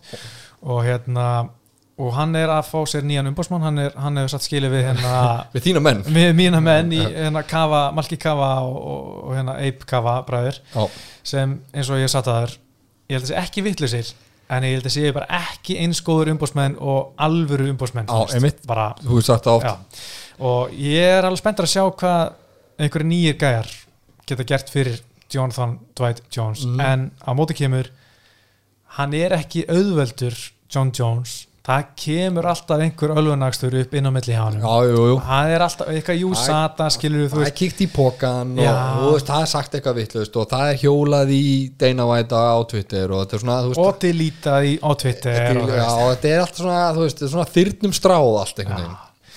En þú veist, eins og við sögum á, veist, hvað annað ætlar að gera, þú veist, auðvitað verður að setja hann bardaga á, þú veist, Mm. að því auðvitað eftir að græða miklu meira á þessum bardaga, segjum við þurfa að punga út einhverjum 20 miljón, segjum bara, segjum bara 20, bara til að segja einhverju tölu, skilju, segjum að þau bara, herru, nú farð þú 20 miljónir, en þeir eru eftir að, þú veist, skerfurinn sem, sko, auðvitað eftir að fá að vera svo miklu meiri, mm það þarf að borga sér svo mikið, sko, þannig að ég skil alveg vel að þeir nenni ekki að búa til einhvern annan Connor sem getur bara hlaupið um og gert það sem hann vil sko. Já. það er alveg verið vesen, mm. tungu krossa bera Já. en þið verða að setja þetta á sko. já, maður vill sjá þetta þetta er, þú veist, ég með fullri vinningur Derek Lewis, þetta er þessi bardagi er svona einn af tíu með að við John Jones og Engano sko. Já. hvernig finnst þér, John Jones lítið út núna nú er eitthvað, hann er eina sem að tala um hann hefur aldrei verið betri íþróttumæður hann er svona stóra og sterkur og ég sá hann bara eitthvað um daginn og kemur kannski verið harður átt en hann var bara bumbu sko. hann bara bumba á kallinum sko. Já, hann er, hann er að, bara að geina sko. hann er ekki að skera niður sko. Já, hann er alltaf eitthvað hlaupandi eitthvað svona, setja eitthvað hraðamet og eitthvað sko. sko eitt með að vera 33 fjara og segjast vera aldrei að vera í góður íþróttumæður það er komandi frá gæja sem er 33 ára og hann vandi heyrt þetta frá ansi mörgum barndamönnum sem eru 35-36 segi aldrei verið betri Já. á taprinu og eru á leiðinu niður skilur Já. og maður sér þetta hjá svo mörgum fæturum á þessum aldri sem eru reynda búin að vera að tapa. John Jones er ekki búin að vera upp á sitt besta en hann er búin að vera svona, hann er búin að vera vinna. Já. að hérna, maður heyrir þess að gæjar tala um hérna ég hef aldrei verið betri, nú er alltaf smetla hjá mér en samt haldar áfram að tapa skilur og ekkert breyta skilur já, ég mæri hér þetta oft uh, og líka við vorum að tala um þetta bara síðast í tapparpi, síðast, síðast þetta í tapparpinu fyrir lungu síðan, Mm. en þá vorum við að tap, tala, fór ég eitthvað langt ránt um það að töpin, að sigranir á Stjón Jóns, sem voru svo tæpir sko, þeir eru bara eldast eins og sko mjölk í, í sólinni og, og núna síðast bara hérna, Hjúri Prosetska á móti John Reyes sko. Dominic Reyes að margra mati vinnur John Jones síðan bara rótaðar af Blackwood rótaðar af Íri Protseka og sko, sko rótaður sko, lamin í klassu í báðum já, þannig að uh, vil sjá John Jones sko en þú veist gæti Ég- verið- illa sko. ég tippa á Engano þú veist, það er bara já, ég, ég, ég, ég sko. er ég bara líka það sko Uh, já, við erum búin að svona fara yfir Íri Protseka, hann er hann er bara að vera maðurinn. Hann er verið maður uh, ef hann heldur svo áfram og hann er líka ekki með mikla stæla veist og svo kemur Alexander Rakic bara, heyrðu, fyrirgjöðu, ég ætla nú reyndar að fá næsta tillibarta en þú veist, að byggja síðustu tveir barndar hans voru hrútlegilegir Já. og meðan Projecka er að rota. Bara sorry, Já. tættu númur að fara röð eða herri, okkur farið þið ekki bara að berjast? Það væri flott, en uh, Projecka var nú fljótur að benda á bara, já herri, þú sagði reynda nei þegar ég að reyna að fá barnda við þig þannig að tættu númur að fara í aftast í röðina sko. já, ég er alveg þar líka sko. Eins og segir Rakic var, þú veist hvernig róta, hann rótaði hann hérna englendingin hérna, já, Jimmy Manu Jimmy Manu og þá var maður bara, ú. Já, og síðan eftir það er þetta verið bara frekar leðrætt sko. Og meðan Prosetska er einhvern veginn svona hann er einhvern svona veist, karakter og Mm. er þetta með þetta spiritual dæmi og síðan er hann bara skrýmsli í búrinu. Mm. þannig ég nenn ekki að þú veist, ég- mér finnst að þeir eiga að spara veist, leifa hérna tildibardaðanum að eiga sér stað. Og Já. síðan, þú veist, sem er Jan Blackwood sem búið til sér í águst ágúst já, já, já. þannig að það er fínt að lega því að klárast og svo hendu við Íri í Já. svo ég meina kannski er Íri besti léttungu þetta maður í heimi. Já. veit það hver veit? Aldrei að vita. Já. uh, Donald Cerrone tapar síðust helgi hann fær eitt sjensen það segir Denevett hann, hann fær- eitt sjensen og svo er hann farin og Donald Cerrone segir þetta auðvitað vil ég ljúka ferðinu með sigri og sjáum hvort að það standist en ég var í bara hæst ánar ef hann næri einu sigri og, og fer svo bara já, ég var að viðkynna eitt sko ég tók kartið, uh, síðast kart bara morgun eftir sko Já. og ég veist, uh, náði einhvern veginn að spoila fyrir mér. Ég vaknaði morgunin og sá að það var einn barndað sem sá að hvernig hann fór sko. Ég horfði ekki á hann, ég, Já, bara, ég, ég gæti ekki ég spólaði yfir hann sko Já. og tók bara allt annað kartinu sko. Og sárt bara. Bara svo glett sko. Já, já. þetta var ekki flott sko. Uh, já, svo er svona ég held að það sem bara farin, uh, farin aftur í frí. Eh, veist, tangt til í næstu viku sko. já, ekki. Já, ég held að þetta sé bara komið gott í dag. Ertu með eitthvað meira sem Nei, ekki til að bæta, við tökum nýtt í að segja bara setna Já, ég það komið það. meira, runni, komið fleiri kull til grafar. Já, heldur betur. Herðu, þetta er búið að vera gott einn og hálfu tími Já, í bókina. Ekki setna, að þú veist, er að við skuldum. Við skuldum, já, ég vona að einhver sé ennþá að hlusta. Það örugglega fólk ekki. fari gegnum þættin En þú veist, reyndar einn aðdáðandi senda á mig Herðu, ég er bara bara farin að hlusta gamla þætti hérna sko. ég, Það er svo langt sér ok. ég fengi tapar. Þannig að við bara Fólk getur hlusta á þetta alveg fram að sko næsta mánundag Næsta mánudag. Alveg, Já, Ári von, herðu, við ætlum að segja þetta gott. Ég heiti Pétur, ég er Haldur þökkum fyrir ávartana í dag og verið sæl